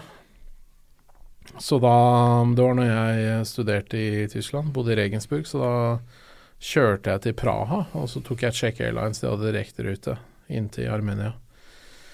Og det er jo Når du flyr dit, så lander du fire om natta cirka. Fordi de skal ha Nesten uansett hvilken variant du velger, så får du sånn ugunstig Ja, det er fordi at de skal ha returflighter til Europa, sånn at man kan uh, fly videre til USA og Asia, andre ruter. Mm. Så da blir det For at de er liksom lavest prioritert, tydeligvis, da. Så da havner du liksom på feil side av klokka. Uh, det, var veldig, veldig slitsomt å begynne å rote seg inn i en taxi i mørket der. De taxiene er ganske shady. Så da tok jeg taxi til Envoy hostell, og det første Bra. han spurte meg, var eh, hvor mye betalte du? Jeg husker ikke hvor mye jeg betalte, men eh, det var sikkert sånn 120 kroner eller noe sånt nå. Så jeg blei rundlurt, for det var jo rådyrt. Ja. Og det er jo en forholdsvis lang tur. Det tar vel fort en 20 pluss minutter eh, fra flyplassen Ja, Svaretnots til, til byen. Ja, jeg betalte vel 50 kroner maks, Mm, ja. og det var uh, gjennom den en sånn app eller noe der, så det Det Det er fete er litt at jeg sånn va- pruta òg, da. Fordi at han prøvde seg på dobbelt så mye. Og så sa jeg at eh, nei, nei, jeg gir liksom bare halvparten. Og så faka han sinne. Og sånn derre Å ja vel da, det er greit. Og så bare dro han av gårde med sikkert dobbelt så mye penger Ja, det, det skjedde til meg noen ganger når jeg tok taxi i Jerevan. Men til flyplassen så brukte jeg den appen der, og da eh, får du en sånn fast pris, det er nesten som Uber egentlig. Mm. Og um, da får du en fast pris. Og når du tar sånne drosjer i uh, Jerevan fra A til B, så eh, betaler du ti kroner nesten uansett uh, hvor langt du kjører. Du hadde en app. Ja, Yandex er ganske stor sånn uh, østeuropeisk Nesten ganske mange land i Øst-Europa bruker den, spesielt Russland. Hva er det for noe? Yandex. Yandex. Det er I hvert fall i Belarus har de, har de det også, i Hviterussland og Ukraina òg. Og um, ja, er, du får prisen um, f Du får prisen foreslått, og så kan du akseptere det. Så det er som en Uber-app? Ja, men eh, med, med Uber så får de jo bare et sånn eh, Du får jo La oss si du skal ta eh, Uber ut til flyplassen, så står det mellom 400 eller 500 kroner eller noe. Estimat, ja. Men eh, på Yandex så er det fast pris, nesten. Kult. Eh, men eh, der, hvis du tar en Hvis du eh, tar drosje ned fra, fra, fra byen til La oss si jeg tok drosje fra det nasjonale Nei, fra den uh, Folkemordmuseet Mm. ned til hostellet. Og uh, da pruta jeg også litt med han uh, taxisjåføren. Han foreslo meg 2000 gram eller noe som er sånn 40 kroner eller noe. Og um, jeg visste jo at det egentlig skulle ikke ha kosta mer enn 1000. Men når det, når det dreier seg om 20 eller 40 kroner, hmm. og så har, har du ikke noe uh, Har du bare store lapper, ikke noe uh, lite kontant eller noe Så. Ja, det som er ekstra gull med den appen, altså den fantes jo ikke i 2011, og jeg visste i hvert fall ikke om den, men da, da kan du jo også formidle hvor du skal Ja. i appen. Fordi jeg ville også til Folkmordmuseet, og jeg hadde en brosjyre, og jeg pekte på bygningen, og enda så skjønte jeg ikke taxisjåføren hva jeg ville. Ja. Så jeg havna et eller annet sted oppe i en eller annen sånn villastrøk oppi en ås. Og så traff jeg en annen turist, og så vi ta taxi tilbake til byen. Jeg kom aldri dit. Det var helt ubrukelig. Han skjønte det ikke, selv om jeg pekte på bildet på brosjyra hva jeg skulle. Du ble ikke kjørt opp i en ås, og så traff du en fyr som het Levan, Nei, som så litt sånn utsulta ut. Nei, fy Nå gikk jeg for langt. uh, men Lars, nå Du skulle på kamp, du. Det er det Jeg vi skal snakke om nå. Jo, nei, nå er det kamp. Det var jo mm, Jeg var jo ikke der så veldig mange dager, så det var egentlig bare litt sightseeing, og så var det match. Uh, og dette var jo da dette shady uh, Det derre fotballprosjektet. Jeg tror det var sovemedisin, ja, den Ara-ratten din.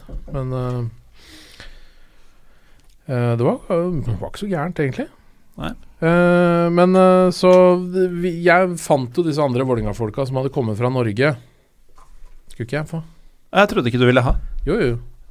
Du lagde grimaser som lytterne aldri vil få Jeg trodde jeg husket at du ikke var så glad i hva du sa, sprit. Jo, men jeg kan ta litt allikevel. Det er på rull. Tror du har et problem, jeg, Lars?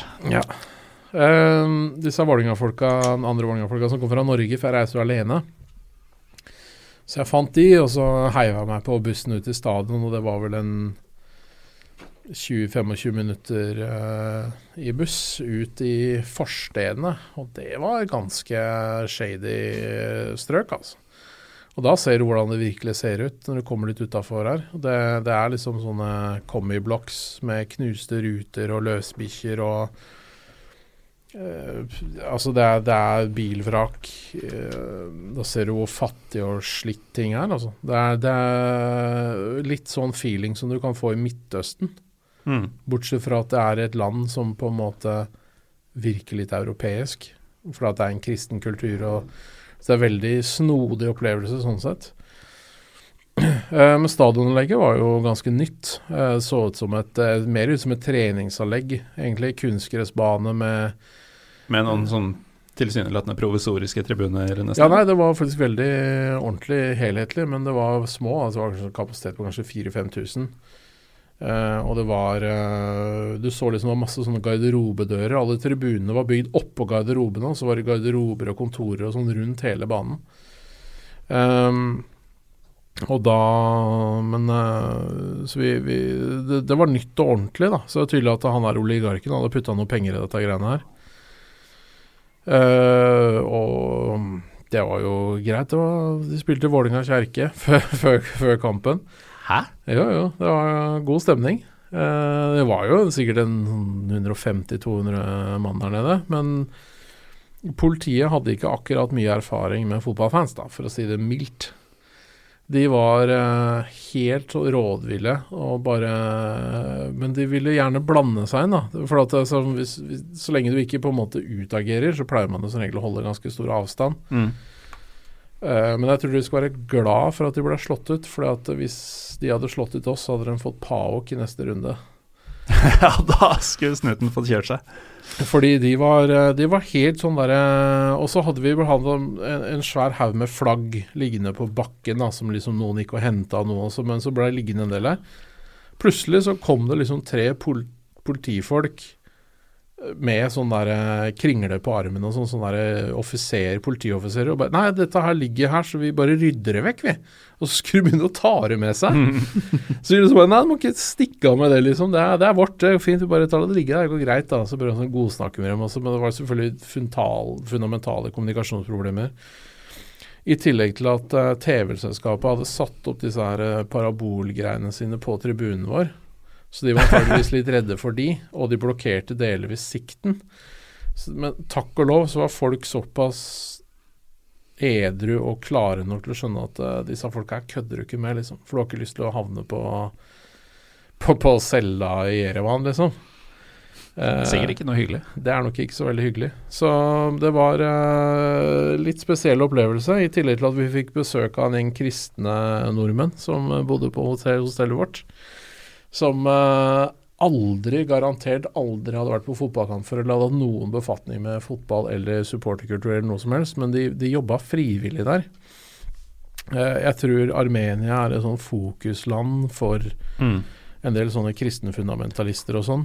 Uten at de er kristne fundamentalister, så traff jeg noen sånn Peace Corps-folk fra USA. De gjorde det også. Ja. I, tibli, bare i Tbilisi, ikke i Jerevan. Jeg, jeg gjorde det i Jerevan, og um, de, det, var- det var rart. De bodde på samme hostellet, og de, uh, de var nede i felles den kjelleren som du vet om, eller som dere vet om, uh, felleskjelleren, uh, og drakk ganske hardt en kveld.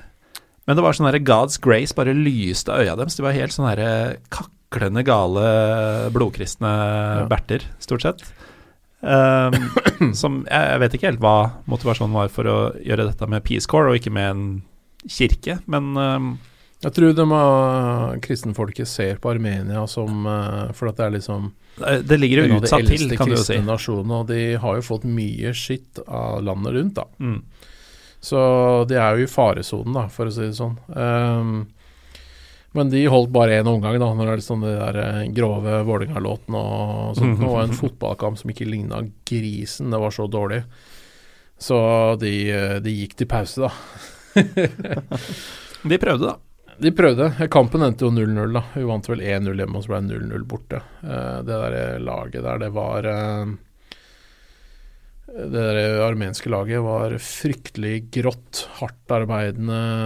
eh, Null tek... Det var som å spille mot et andredivisjonslag, et seigt andredivisjonslag. Mm. Mye fysikk, eh, langpasninger og harde taklinger, men absolutt ingen ferdigheter i det hele tatt. Jeg kan ikke begripe at han derre Han typen har kommet fra den fotballkulturen der. Ja, altså, jeg, jeg skjønner ikke. For det var så bedritent, og det laget var en av de beste i landet. Mm. Så Men eh, det var det. Det var en veldig eksotisk opplevelse, og det mm, Det er jo et superbillig land. Så du, du kan Men dette skal vi komme tilbake til, Lars. Men uh, nå, nå er vi på fotballen. Og um, Josh, du har vært på fotballkamp der nylig. Ja. uh, ikke en stor kveld for armensk fotball, riktignok, men en stor kveld for uh, historie historieskriving. Det kan man si. Jeg var jo um, Jeg skulle på kamp og fant jo ut langt i forveien at det skulle være Nations League, som jeg egentlig var ikke så glad i, men så tenkte jeg jo vel, bedre enn ingenting. Og når jeg fant ut hvem motstanderen var, så var det jo, ble jeg jo enda mer skuffa. Det var nemlig Gibraltar. Fotballnasjonen Gibraltar. Gibraltar, Ja, det er um, Ja, så jeg hadde ikke noe høye forventninger i det hele tatt.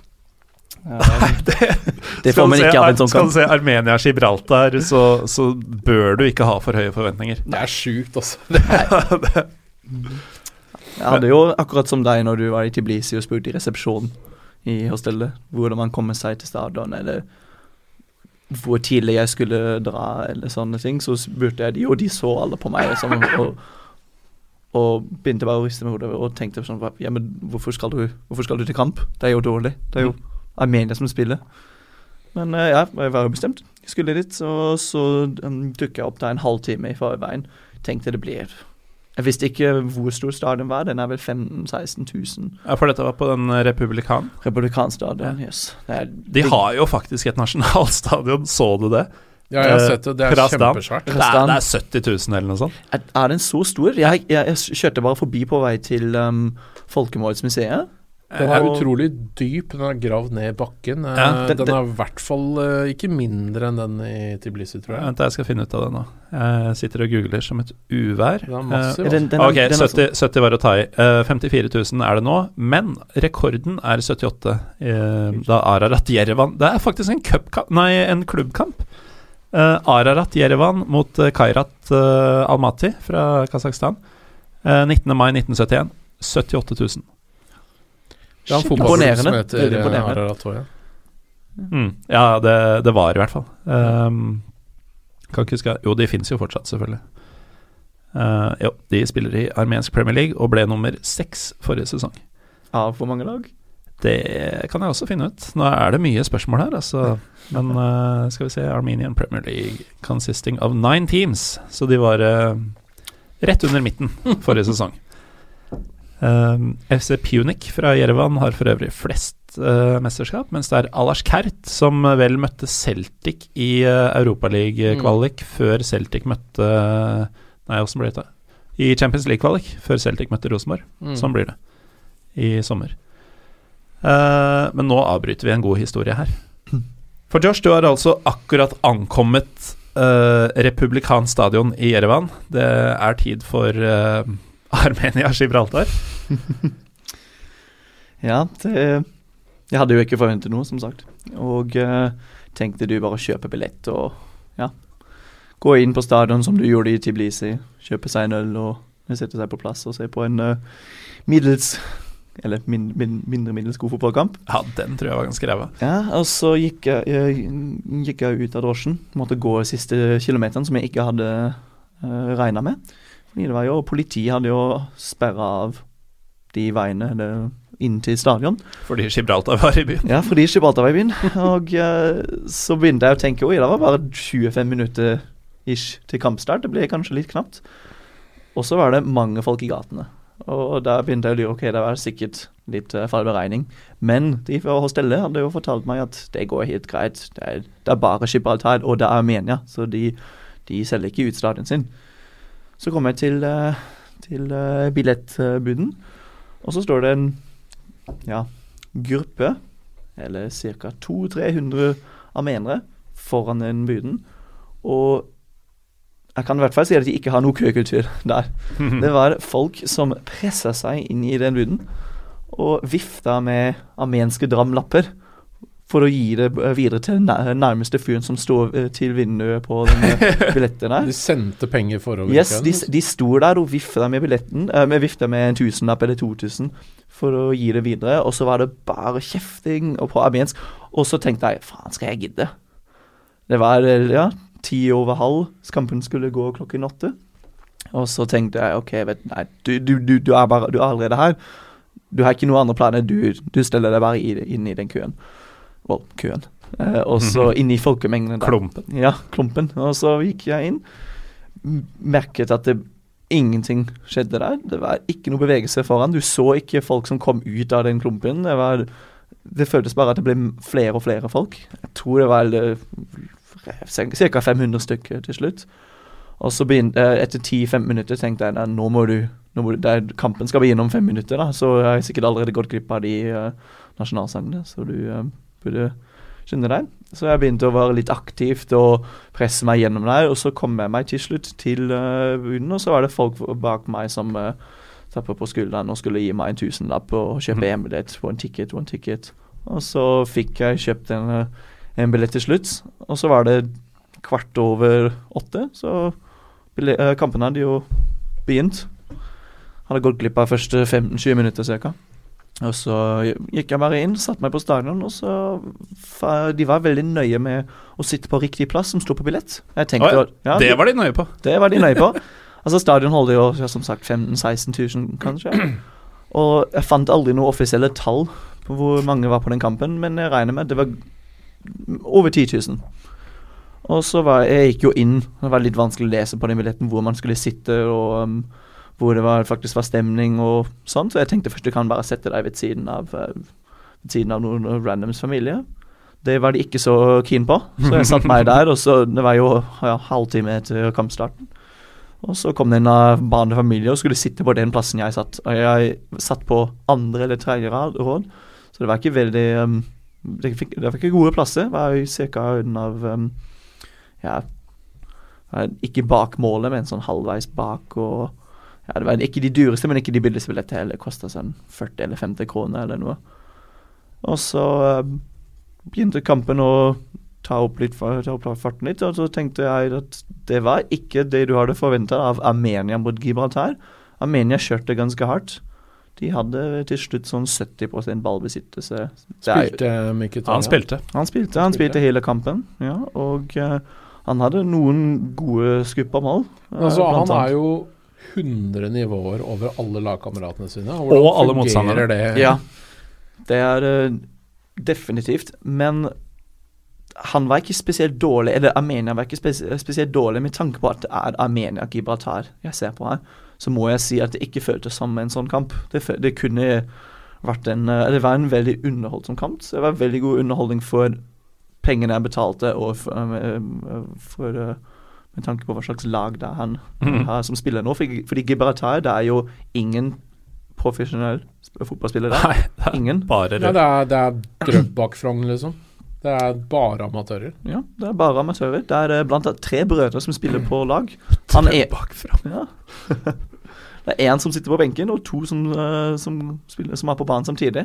Han tredje broren kom inn uh, i andre omgang eller noe, så det er, det er et hobbylag. Det er sånn rørlegger i mål og ja, bankfunksjonær på Ja, sånn som San Marino var eh, da Norge slo dem 10-0. Mm. Um, liksom under det nivået der um, Eidur Gudjonsen kommer inn for sin egen far på det islandske landslaget i sin tid, da Island også var ræva. Uh, men, men det, det, skjer jo noe helt sjukt her, Josh. Ja, så altså, det var første omgangen var ikke Det skjedde ikke spesielt mye, bortsett fra at uh, Armenia kjørte hele kampen. Og så går det pausen, og etter pausen så spilte Gibraltar mot eh, målet som jeg ikke satt eh, ved siden av, så det var litt vanskelig å se hva som skjedde, men eh, Gibraltar, Gibraltar fikk eh, straffe, og de skårte. Og den feiring har jeg ikke sett, altså i hvert fall ikke sett live før, men de feiret jo som de hadde skåret i en eh, VM-finale. Det var utrolig. Vi har Og- skåret i Jerevan! Ja, det var Altså, keeperen løp, keeperen løp jo helt inn til, uh, inn til andre ba banen, og alle lo på en stor klubb, og de feiret som Det er ja. helt vill feiring. Jeg Ja. ser det ligger ute på nettet, og de bare Jeg tok jo video uh, til De er helt alt. sånn eh, De kan ikke tro det sjøl, liksom. Ja. Det, det er noe av det største de har opplevd ever, liksom. Ja. Så det var vel det var, Jeg tror det var 10-15 minutter inn i andre omgangen. Og så fortsatt kampen egentlig som det gjorde i hele første omgangen. At Armenia kjørte ganske hardt, eh, ganske hardt mot, eh, mot eh, Gibraltar, og de sto egentlig bare bak. Og ja, som jeg har sagt, de hadde veldig mye ballbesittelse. Mange, mange frispark rett utenfor. rett utenfor. En som uh, også ikke klarte å skåre. Og det var én eller to ganske gode aksjoner av keeperen til Gibraltar. Det var veldig overraskende at han faktisk klarte det. Um, han er vel også langt, altså 35 eller 36, og som har, han har spilt for Gibraltar helt siden de har fått lov til å spille 200 landskamper, liksom. Spilt siden de var sånn på nivå med samelandslaget og Palestina og sånn. ja, så Konifa er det vel eh, det heter. Det var det de før de ble medlem av Ja. Uefa? Uoffisielle landslag. Ja, ok. Det er et uh, VM jeg kunne tenkt meg å ha sett en gang. Det kan jeg se for meg at du kan tenke deg. Det var, det, det var vel et VM om det nå i, um, Ja, i, i i London? Konifa World Cup. Det var i London og i, Mm. var, det, var det i sommeren eller i Et eller annet sted i Midt-England, eh, tror jeg. Det, det var jo alt mulig, ikke sant. Du, Du har jo Kurdistan mot Northern Cyprus og jo, men ikke sant Ja. at du, at du har sånn Kurdistan, Palestina, Grønland for den saks skyld, ikke sant. Mm. Det er jo én ting, men at du har sånn et lag som representerer den ungarske minoriteten i Ukraina så det er ganske Ja, far-fetched. det er, eh, det er landslag for, eh, for nasjoner som ikke er stater, tror jeg. Ja, si. øh, ja, det kan du fort si. Eh, og i hvert fall som ikke har egne mm, anerkjente landslag. Catalonia er jo ikke med der, riktignok. De hadde jo Kvalifisert seg sikkert ikke. De hadde jo ræva hele turneringa, antagelig. Ja, bortsett fra at de spiller jo for Spania, de som ville ræva. Ja, det, det er jo sant. Ja, Likevel. Uh, men du kunne sikkert hatt noe sånn uh, La Liga 3-spillere som spiller for De hadde fortsatt gjort det bra. Ja, antagelig, faktisk. Det er jo virkelig pubfotball. Men Gibraltar vinner, Ja, de vinner. Og det hadde de ikke gjort før. mål, uh, målfeiring. Jeg trodde jo den var stort, men uh, når, det, når, når kampen var over, da var det jo som de feiret som, eh, når Frankrike, som Frankrike når de vant eh, VM nå i sommeren. Det var, det var alle spillerne, eh, trenerne, alle lo på, de, de lo på hverandre og feiret. De, de, Mm. de, de gråt sikkert. Og Det var helt sjuke scener. Keeperen strigråt. Han bare kollapsa inn i Ja, 16-meteren. det, han- det var jo, altså Keeperen var jo nærmest meg når um, i andre omgangen, så jeg, så jeg fikk uh, heldigvis tatt uh, video av det. Og det var jo det var, altså, de, fø de følelser som de, de må ha hatt, det var um, utrolig å bli vitne til det.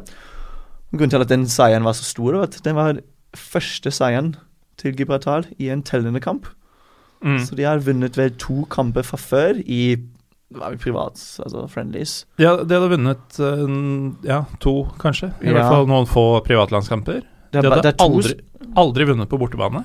aldri vunnet på bortebane, så de hadde vunnet to ganger, men egentlig ikke på hjemmebane selv, fordi um, fram til nylig så fikk uh, Gibraltar ikke lov til å spille hjemmekampene, de tellende i hvert fall, sine på hjemmebanen i Gibraltar, i Victoria Stadium. Da måtte de dra til, fordi de har en sånn dispute med Spania, da måtte de dra til Faro i Portugal for Hmm. å spille alle de store kamper. Så de, de har vært en, de har vært, vært en medlem av Uefa siden 2013, kanskje? Jeg er ikke helt sikker, men i hvert fall siden de har blitt Uefa-medlem, så må de jo oppfylle visse krav til Uefa, sånne VIP-seter og osv., som Victoria Stadium ikke hadde. Sånt piss driver ikke Konifa med. De, de krever ingenting, det. Ja, Så, så de, de to ganger de har vunnet fra før, var vel mot Liechtenstein 1-0 og 1-0 mot Latvia, eller noe. Be, begge sånne ja, friendlies for mange år siden. Mm. Så den kampen de vant mot Armenia, mot et lag som ikke er fra en nasjon, som en som mikronasjon, som uh, Liechtenstein f.eks. er, det var jo de de feiret. Jeg vil ikke vite hvor mange Hvor lang den kvelden blir. Det Ble vel litt Ararat på de pubgutta som spilte for. Gibraltar, tror jeg. Ja, altså jeg heide jo selvfølgelig ikke noe på noen av de to lag, men uh, en liten fun fact om meg sjøl, selv, selv om jeg er så Spesielt siden jeg er så internasjonalt, så har jeg faktisk gudfaren, eller farderen som det heter på norsk, Mm. min, han er fra Gibraltar. Ja vel. Han er født der, ja, og det var han jeg besøkte nå når jeg var i England nå, Mm. for noen dager siden. Og han Jeg måtte jo selvfølgelig sende ham alle disse bildene, og han var han, Han ble gira. Ja, han ble gira, og han dro Han var i uh, Gibraltar når det skjedde. Og så fortalte han meg at han skulle kjøpe seg billetter til kampen til Liechtenstein, som var tre dager etterpå. ja, og da vant de igjen. Og det ja, igjen 2-1. Det var første gang i jeg veit ikke hvor mange år at de skårte mer, mer enn ett mål i en kamp. så nå har de vunnet nå, per, nå så har Gibraltar vunnet to kamper, to Mm. kamper på rad. Og da vant de på Victoria Stadium. Ja, da vant de på Victoria Stadium. Eh, er altså først Oppkalt etter Queen Victoria. Det Nå er, eh, er det jo selvfølgelig en snøballsjanse i helvete, men de er da med to kamper igjen av gruppespillet i, eh, i Nations League, hvor da gruppevinneren får playoff og muligheten til å kjempe om en uh, EM-plass. De er tre poeng bak Makedonia. De ligger på andreplass i gruppa si. La oss si de tar fire poeng og Gibraltar, nei, Makedonia choker, da. Så er de gruppevinner. Det kommer jo ikke til å skje. Eh, at Makedonia ligger i den gruppa der, eh, er jo litt spesielt. Men, Men Armenia slo jo Makedonia 4-1 den uh, trekampen etter det. Så det var det 4-0, var det vel? 4-0. 4-0. Oi. Ja. Jesus. Så det var litt uh, Makedonia litt på hell.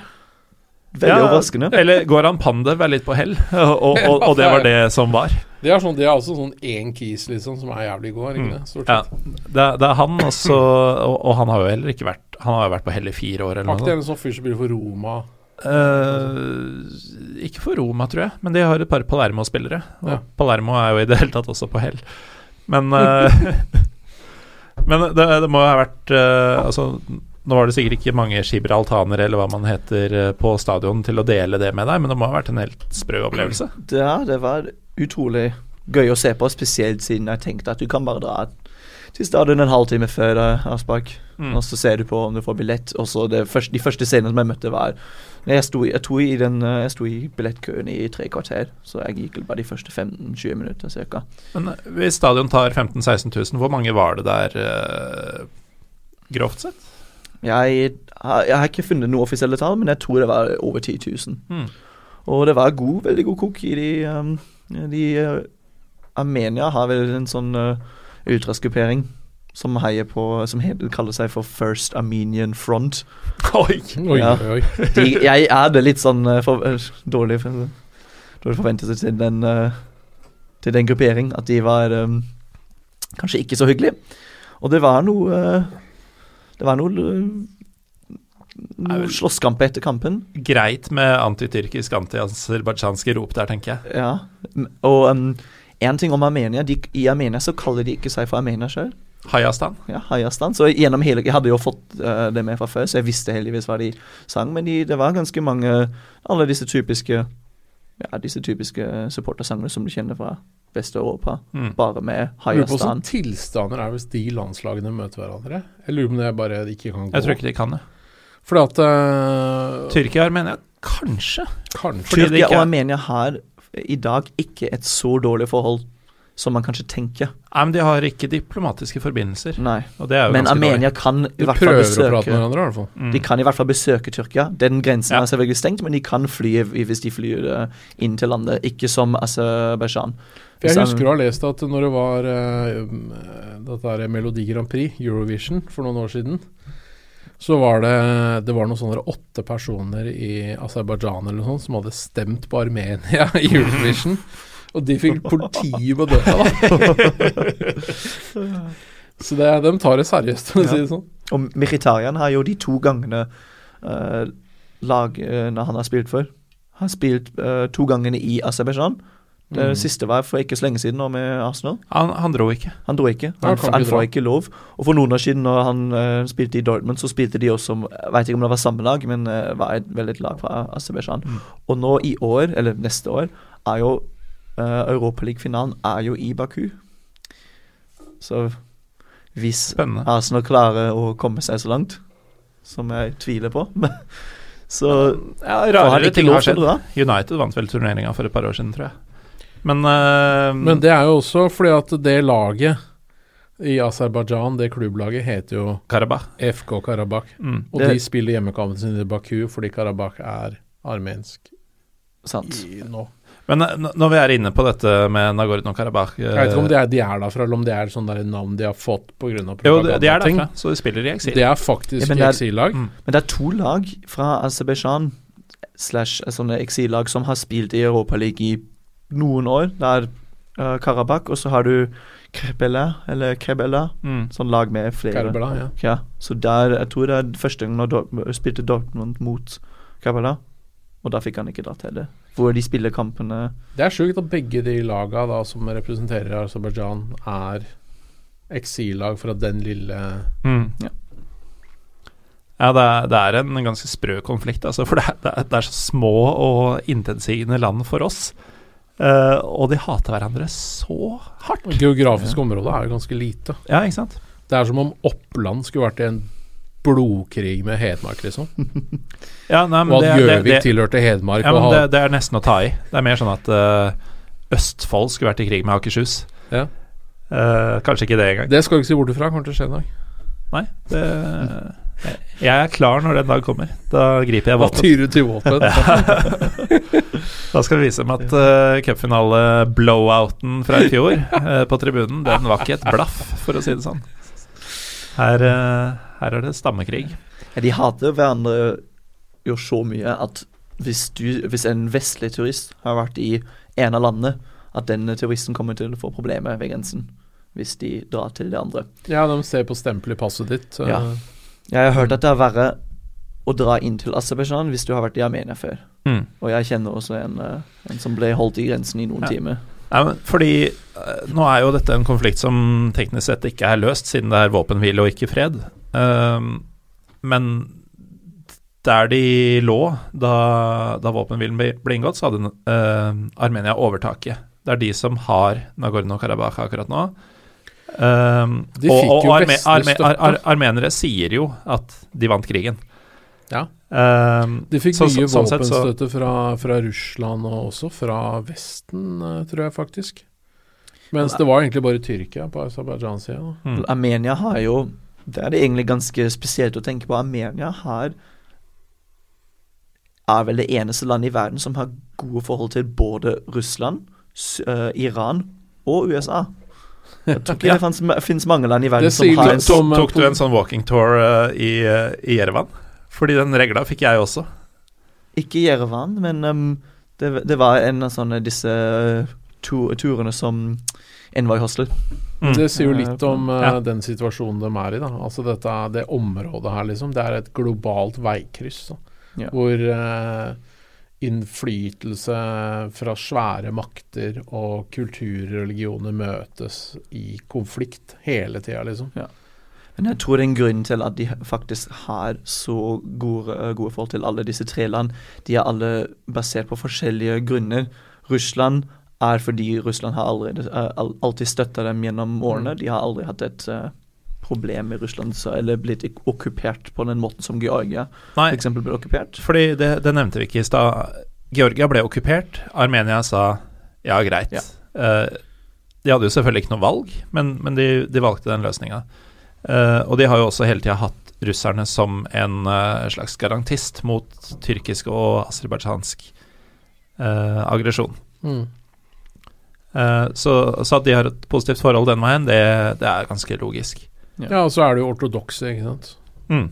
Nei, det er også I Armenia så er de ikke Nei, det, det er det er det faktisk ikke. Nei, De Det er forskjellige grener av kristendom i de to landene. For georgierne er jo Jeg hadde De er inntrykk av ortodokse. at de var veldig sånn litt lignende gresk-ortodokse på, på det religiøse.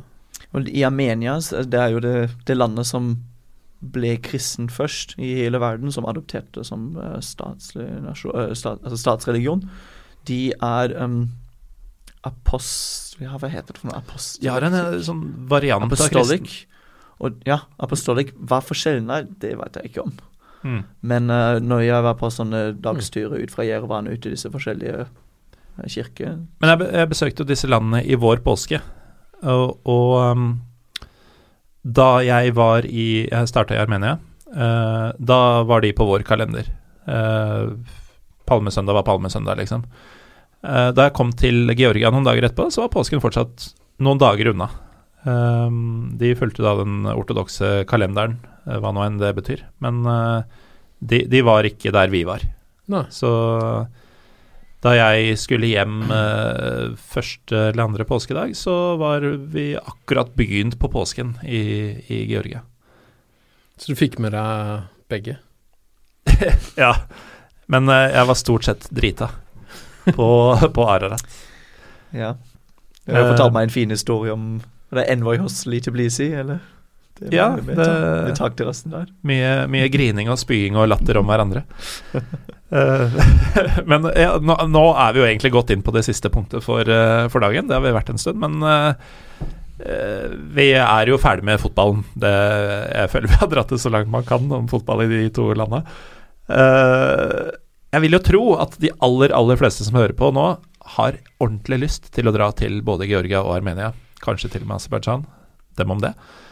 Uh, hva er det vi liksom sitter igjen med etter å, etter å, ha vært der? Du har vært et par turer, Lars. Uh, du har vært der nylig, Josh. Jeg har fått et par år på å bearbeide mine inntrykk. Hva, vi, vi, kan jo starte med forholdet mellom de to landene. Det, er ganske sånn Det er en slags forbrødring, men samtidig ikke. Ja, de um de armenere som jeg snakket med, og, og spurte om hva forholdet deres til Georgia er, spesielt med tanke på at Armenia har et såpass bra forhold til uh, Russland, og Georgia har ikke det. Mm. Så tenker man kanskje at de er kanskje litt uh, At de ikke er så broderlige, uh, broderlige med, med, hverandre. Men At det er noen Russia lovers. Ja. Og de fleste Altså, de fleste i Armenia har jo fortalt meg at um, og det, det samme fikk jeg også i Georgia, at de ser på hverandre som brødre. Men de har ikke funnet ut hvem som er storebroren ennå. Mm. Så det er en liten konkurranse. når Jeg husker når jeg var på en sånn tur ut av uh, Jerevan, hvor vi kjørte, hvor vi, uh, kjørte forbi et, uh, det vinområdet. Det er, det er altså en ting som ikke mange vet om verken Armenia eller Georgia, er at begge to områdene er utrolig kjent for vin som de lager der. Mm.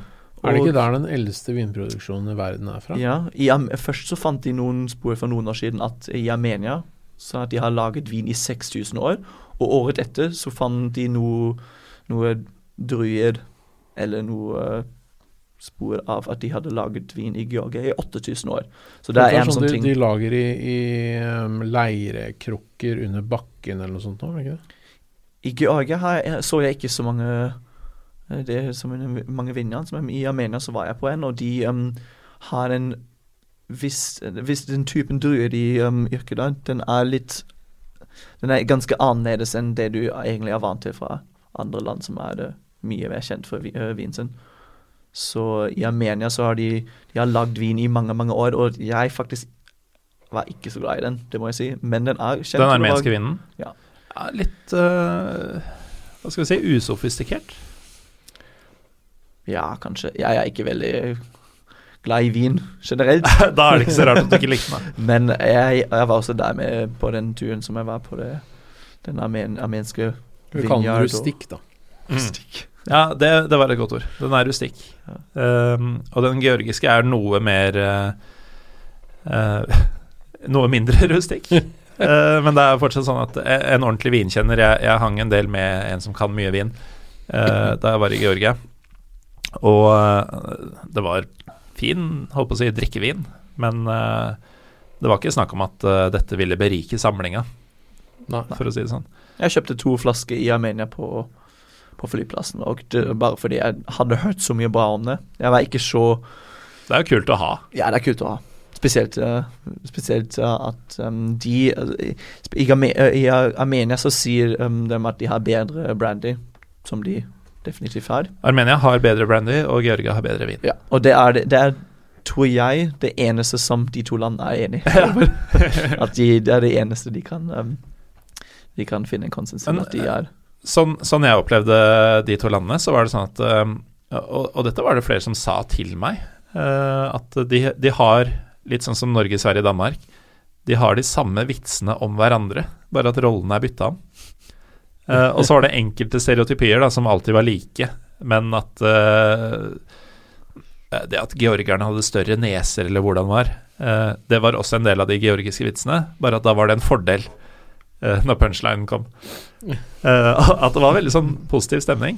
Og jeg vet ikke om dere er klar over dette, men jeg nevnte tidligere i stad at jeg gikk nedover en hovedgate, den Fridtjof Nansen gamle dame-episoden min. det var en gate som på engelsk heter Marstots Avenue. Og Mesrop Marstots, er det noen som har hørt om han? Nei. Det er da en Han var en teolog, lingvist og diverse ordentlig um, Ordentlig intellektuell fyr. Han var vel en munk, egentlig.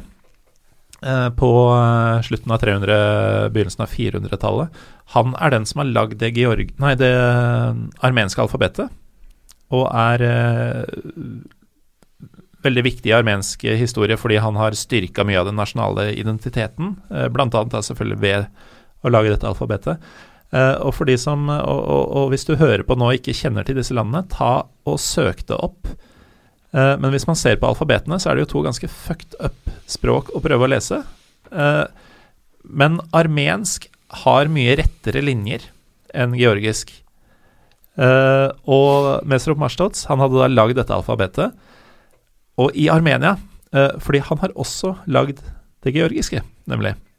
Han har lagd begge. Og uh, nå er det ganske nerdete nivå her, altså. Men i Armenia så forteller historien om hvordan han da senere lagde det georgiske, for han lagde det georgiske etter at han hadde lagd det armenske alfabetet. Uh, historien går da at georgerne hadde kommet til han mens han satt og spiste. Og han spiste jo da en nudelrett eller pastarett eller noe som ser ut som nudler eller spagetti. Uh, antagelig uh, mer nudler, uh, med tanke på at vi lå langs Silkeveien og, og ligger såpass langt øst. Men han skal da ha blitt så irritert at han da tok noen nudler og kasta på veggen. og sa 'her har dere alfabetet deres'. Og det er jo faktisk såpass stor uh, forskjell på uh, krusedullspråkene uh, i, i, hvor tilfeldig georgisk ser ut, og hvor mye mer krøllete og sånn det er, at uh, man nesten kunne tenkt at det var, hadde noe for seg. Men det var min, minne, min lille monolog om Kaukasus-alfabetene. Lars? Jeg har en siste fun fact om uh, armensk uh, stor uh, Armensk etta, stor tennisspiller. Nå er, nå er jeg interessert, fordi du sier ofte fun fact, ja. hvor det ofte bare er en faktaopplysning. Ja, det er egentlig ikke fun, det er fact. kan dere gjette hvilken stor amerikansk tennisspiller som er armensk etta? Jeg, jeg, vet faktisk hvem det er, så jeg gir Stor amerikansk tennisspiller? Mm. Mm. Fra Hadde vel storhetsperioden på 90-tallet. Det er dere to som, har, som sa det, dere er eldre enn meg. Jeg husker ja. ikke sånt. Vi, vi, vi, er det, Josh, og nå har du beviset. André Agassi. André Agassi. Ja. Uh, min far var jo gift med en iransk dame. Uh, omtrent på den tida hvor Agassi var på sitt beste. Og uh, hun sa alltid at han var iraner. og det er et ganske tett bånd, faktisk, mellom ja, armenere og iranere. den Jan-endelsen finner du også i en del iranske navn, for mm. øvrig. Uh, men det jeg egentlig skulle spørre om, Lars, var bør folk dra til disse landene? Absolutt. Hvorfor det? Fordi det er uh, dritgamle kulturer som er ganske fascinerende. Det er uh, i den delen av verden hvor uh, grilla kjøtt på pinne er veldig godt.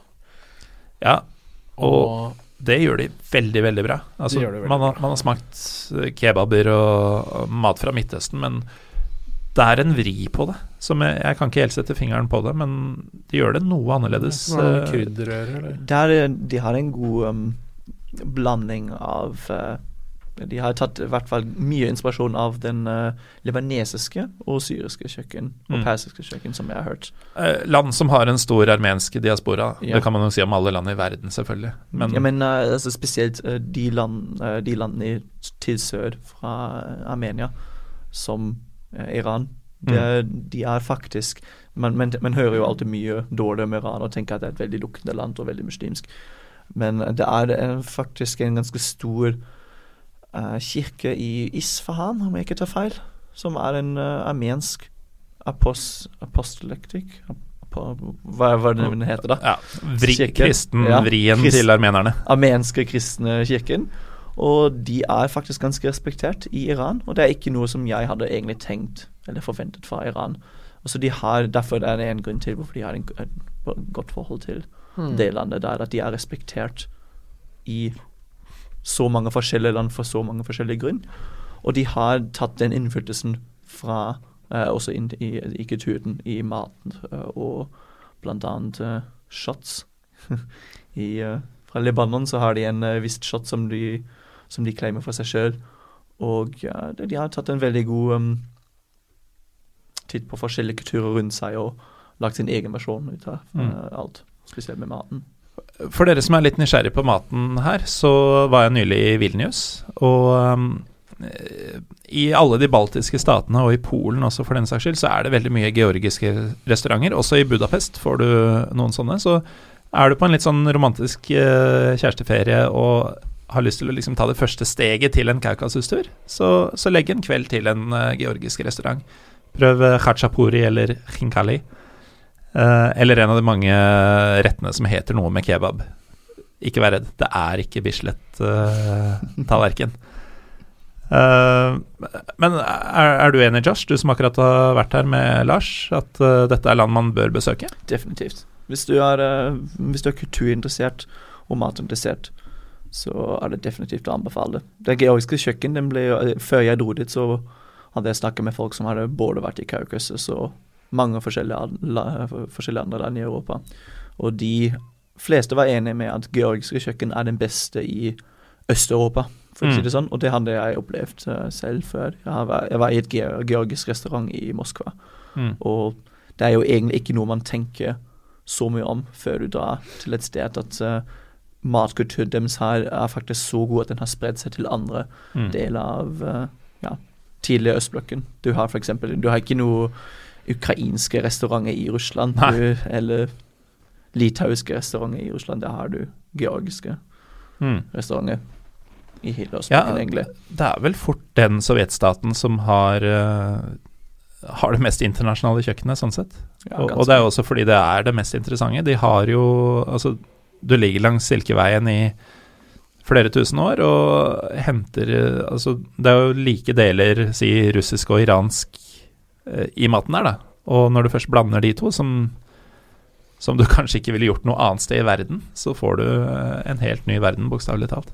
Det er fascinerende å være der. Det er på en måte det er på en måte noe kjent ved det òg. Du reiser veldig langt, og det er på en måte nesten som er litt sånn i Midtøsten, og det, levestandarden er relativt lav der, og det er liksom litt sånn slitent og sånn, men det er noe kjent ved det allikevel. Det det er en veldig underlig uh, ting. Mm. Fordi det er på en måte europeisk, ikke sant? for det er kristne nasjoner. Eh, veldig spesiell følelse, som jeg egentlig ikke har hatt noe andre steder. Ja, helt enig. Ja, er, hele atmosfæren er veldig spesiell. Og så har vi snakka om kultur, vi har snakka om mat, vi har snakka om drikke. Fotball er ikke så viktig kanskje hvis man først er nedi her, men eh, geografien er jo også helt vanvittig. Eh, Josh, du var jo på noen dagsturer rundt omkring i landene, og det har jeg også vært. Det jo, altså det ligger jo i Kaukasus, det, det har vi kanskje ikke nevnt, men det er jo et fjellandskap. Uh, Det er en fjellkjede, heter Kaukasus. Det er jo Kaukasusfjellene har gitt navnet til regionen. ikke sant? De er Eh, svære. følgelig har de jo spektakulære landskap. Ja. Uh, bare det å sitte i Jerevan og se på Ararat eh, i horisonten der, som, som er fryktelig nær, men akk så fjern, som man sier. Eh, men det er jo bare ett av mange. Eh, du skal ikke langt ut av byen før du plutselig er oppe i, eh, oppe i fjellene og kjører inn i um, Gerhard-klosteret, f.eks., som jo da er rissa inn i et fjell, nærmest, og Garni-tempelet, som ligger på en klippe Ja. Eh, det, er- det er jo helt ville områder. Eh, bare turen mellom de to eh, hovedstadene er jo spektakulær. Ja, i hvert fall. eh, I hvert fall altså, jeg var jo veldig um, imponert over den eh, tre timer, var det vel, kjøreturen fra Tiblisi opp, eh, opp til Nord-Georgia. eh, til uh, Kasbegi, eller Stepansminda, som det kalles for. Det ligger én mil cirka fra grensen med Russland. Og da har du eh, da har, du, vært, da har du disse fjellene som er oppe i 5000 meter i Mount Kaspeki, og Mount Elbrus ligger litt lenger unna, men da har du et veldig fin natur, og det, man må jo si at um, det er mye som må til at man uh, får en nordmann til å bli imponert over Fjellandskap. Fjellandskap, ikke sant? Men det, det blir man. Ja. Det blir man i hvert fall i Kaukasus. Um, det er forresten den armensk apostolistiske Nei, apostoliske. Apostoliske blir det vel. Kirke. Apostoliske. Eh, og det er Du skal få delvis rett, eh, Lars, fordi det er en orientalsk-ortodoks uh, forgreining av du. kristendommen. Jeg kjenner mine religiøse Åpenbart. sekter. Uh, men det er ikke like ortodoks som da georgerne driver med, da. Som er mer, uh, mer som den uh, russiske, vel. Selv om det vel er en egen gren uh, georgisk-ortodoks også. Også er ganske nært relatert til den gresk-ortodokse. For det er en del grekere i, eh, i Tbilisi. Jeg, jeg traff faktisk flere som drev restauranter og sånt noe, som flytta dit. Ortodoks er ortodoks, eh, sa folk. Ja, mer eller mindre. Eh, nå åpner jeg akkurat eh, Bli kjent-mailen eh, fra deg, eh, Josh. Og jeg ser at du har nevnt FC Lori. FC Lori. Skal vi avslutte med litt fotballprat? Fordi her veit ikke jeg hva du mener. Jeg hadde lest eh, noe om et lag som spiller i armensk andredivisjon, er det vel? Jeg fikk ikke lest så mye om det, fordi selvfølgelig finnes det ikke så mye informasjon om armensk andredivisjon. Armensk andredivisjon. Det er bra Pyro og Pivo Det er fins. kanten Ja. av internett, liksom. Det, ja, det, um, det er en uh, Jeg husker ikke helt hvor uh, Lori ligger. Jeg tror det var i Nord-Armenia. ganske nærme grensen til eh, Georgia. Og så hadde de en eh, ganske rik oligark som eh, i de siste to-tre år har investert ganske mye penger der. Men han har ikke kjøpt kjente spillere eller store spillere eller noe til det laget, som kanskje andre oligarker har gjort. Men eh, han har investert mye i, i eh, ungdomsakademiet der. Og så har han kjøpt en del afrikanske spillere, hovedsakelig fra Nigeria. Hmm. Så siden eh, han begynte med det laget for ti, ja, for to år siden cirka, slutten av 2016, så de eh, fleste han har kjøpt inn, de er alle oppe i 17-18-19 årsalderen nå. Og da er det antatt at de, når de begynner å bli eldre og kommer til å uh, ha hatt nok erfaring i det området at de kan eh, stille et helt lag, at de skal rykke opp, inn, ned, altså opp til, til armenske førstedivisjon. At de kommer til å bli litt sånn det nye stjernelaget. Det nye stjernelaget til Armenia. Hæ. Så um, det var ikke mye mer enn det. Nei, men det er et, et fotballframpek eh, til fremtidige Armenia-travere, som vi, vi håper vi har noen av blant dere lyttere. For det er eh, to land som er eh, verdt å få med seg, har vi vel etablert ganske kraftig her nå. Eh, takk, eh, Lars Gau og Josh eh, Di Placito, for at dere kom til eh, Pyro Pivo, eh, fotballpodkasten som tar deg med til fjerne strøk. Jeg heter Morten Galaasen. Følg oss gjerne på Pyro Pivo eh, på Twitter og Instagram, heter det. der vi heter Pyro Pivo Pod. Eh, og neste uke så kommer det til å handle om noe helt annet, muligens.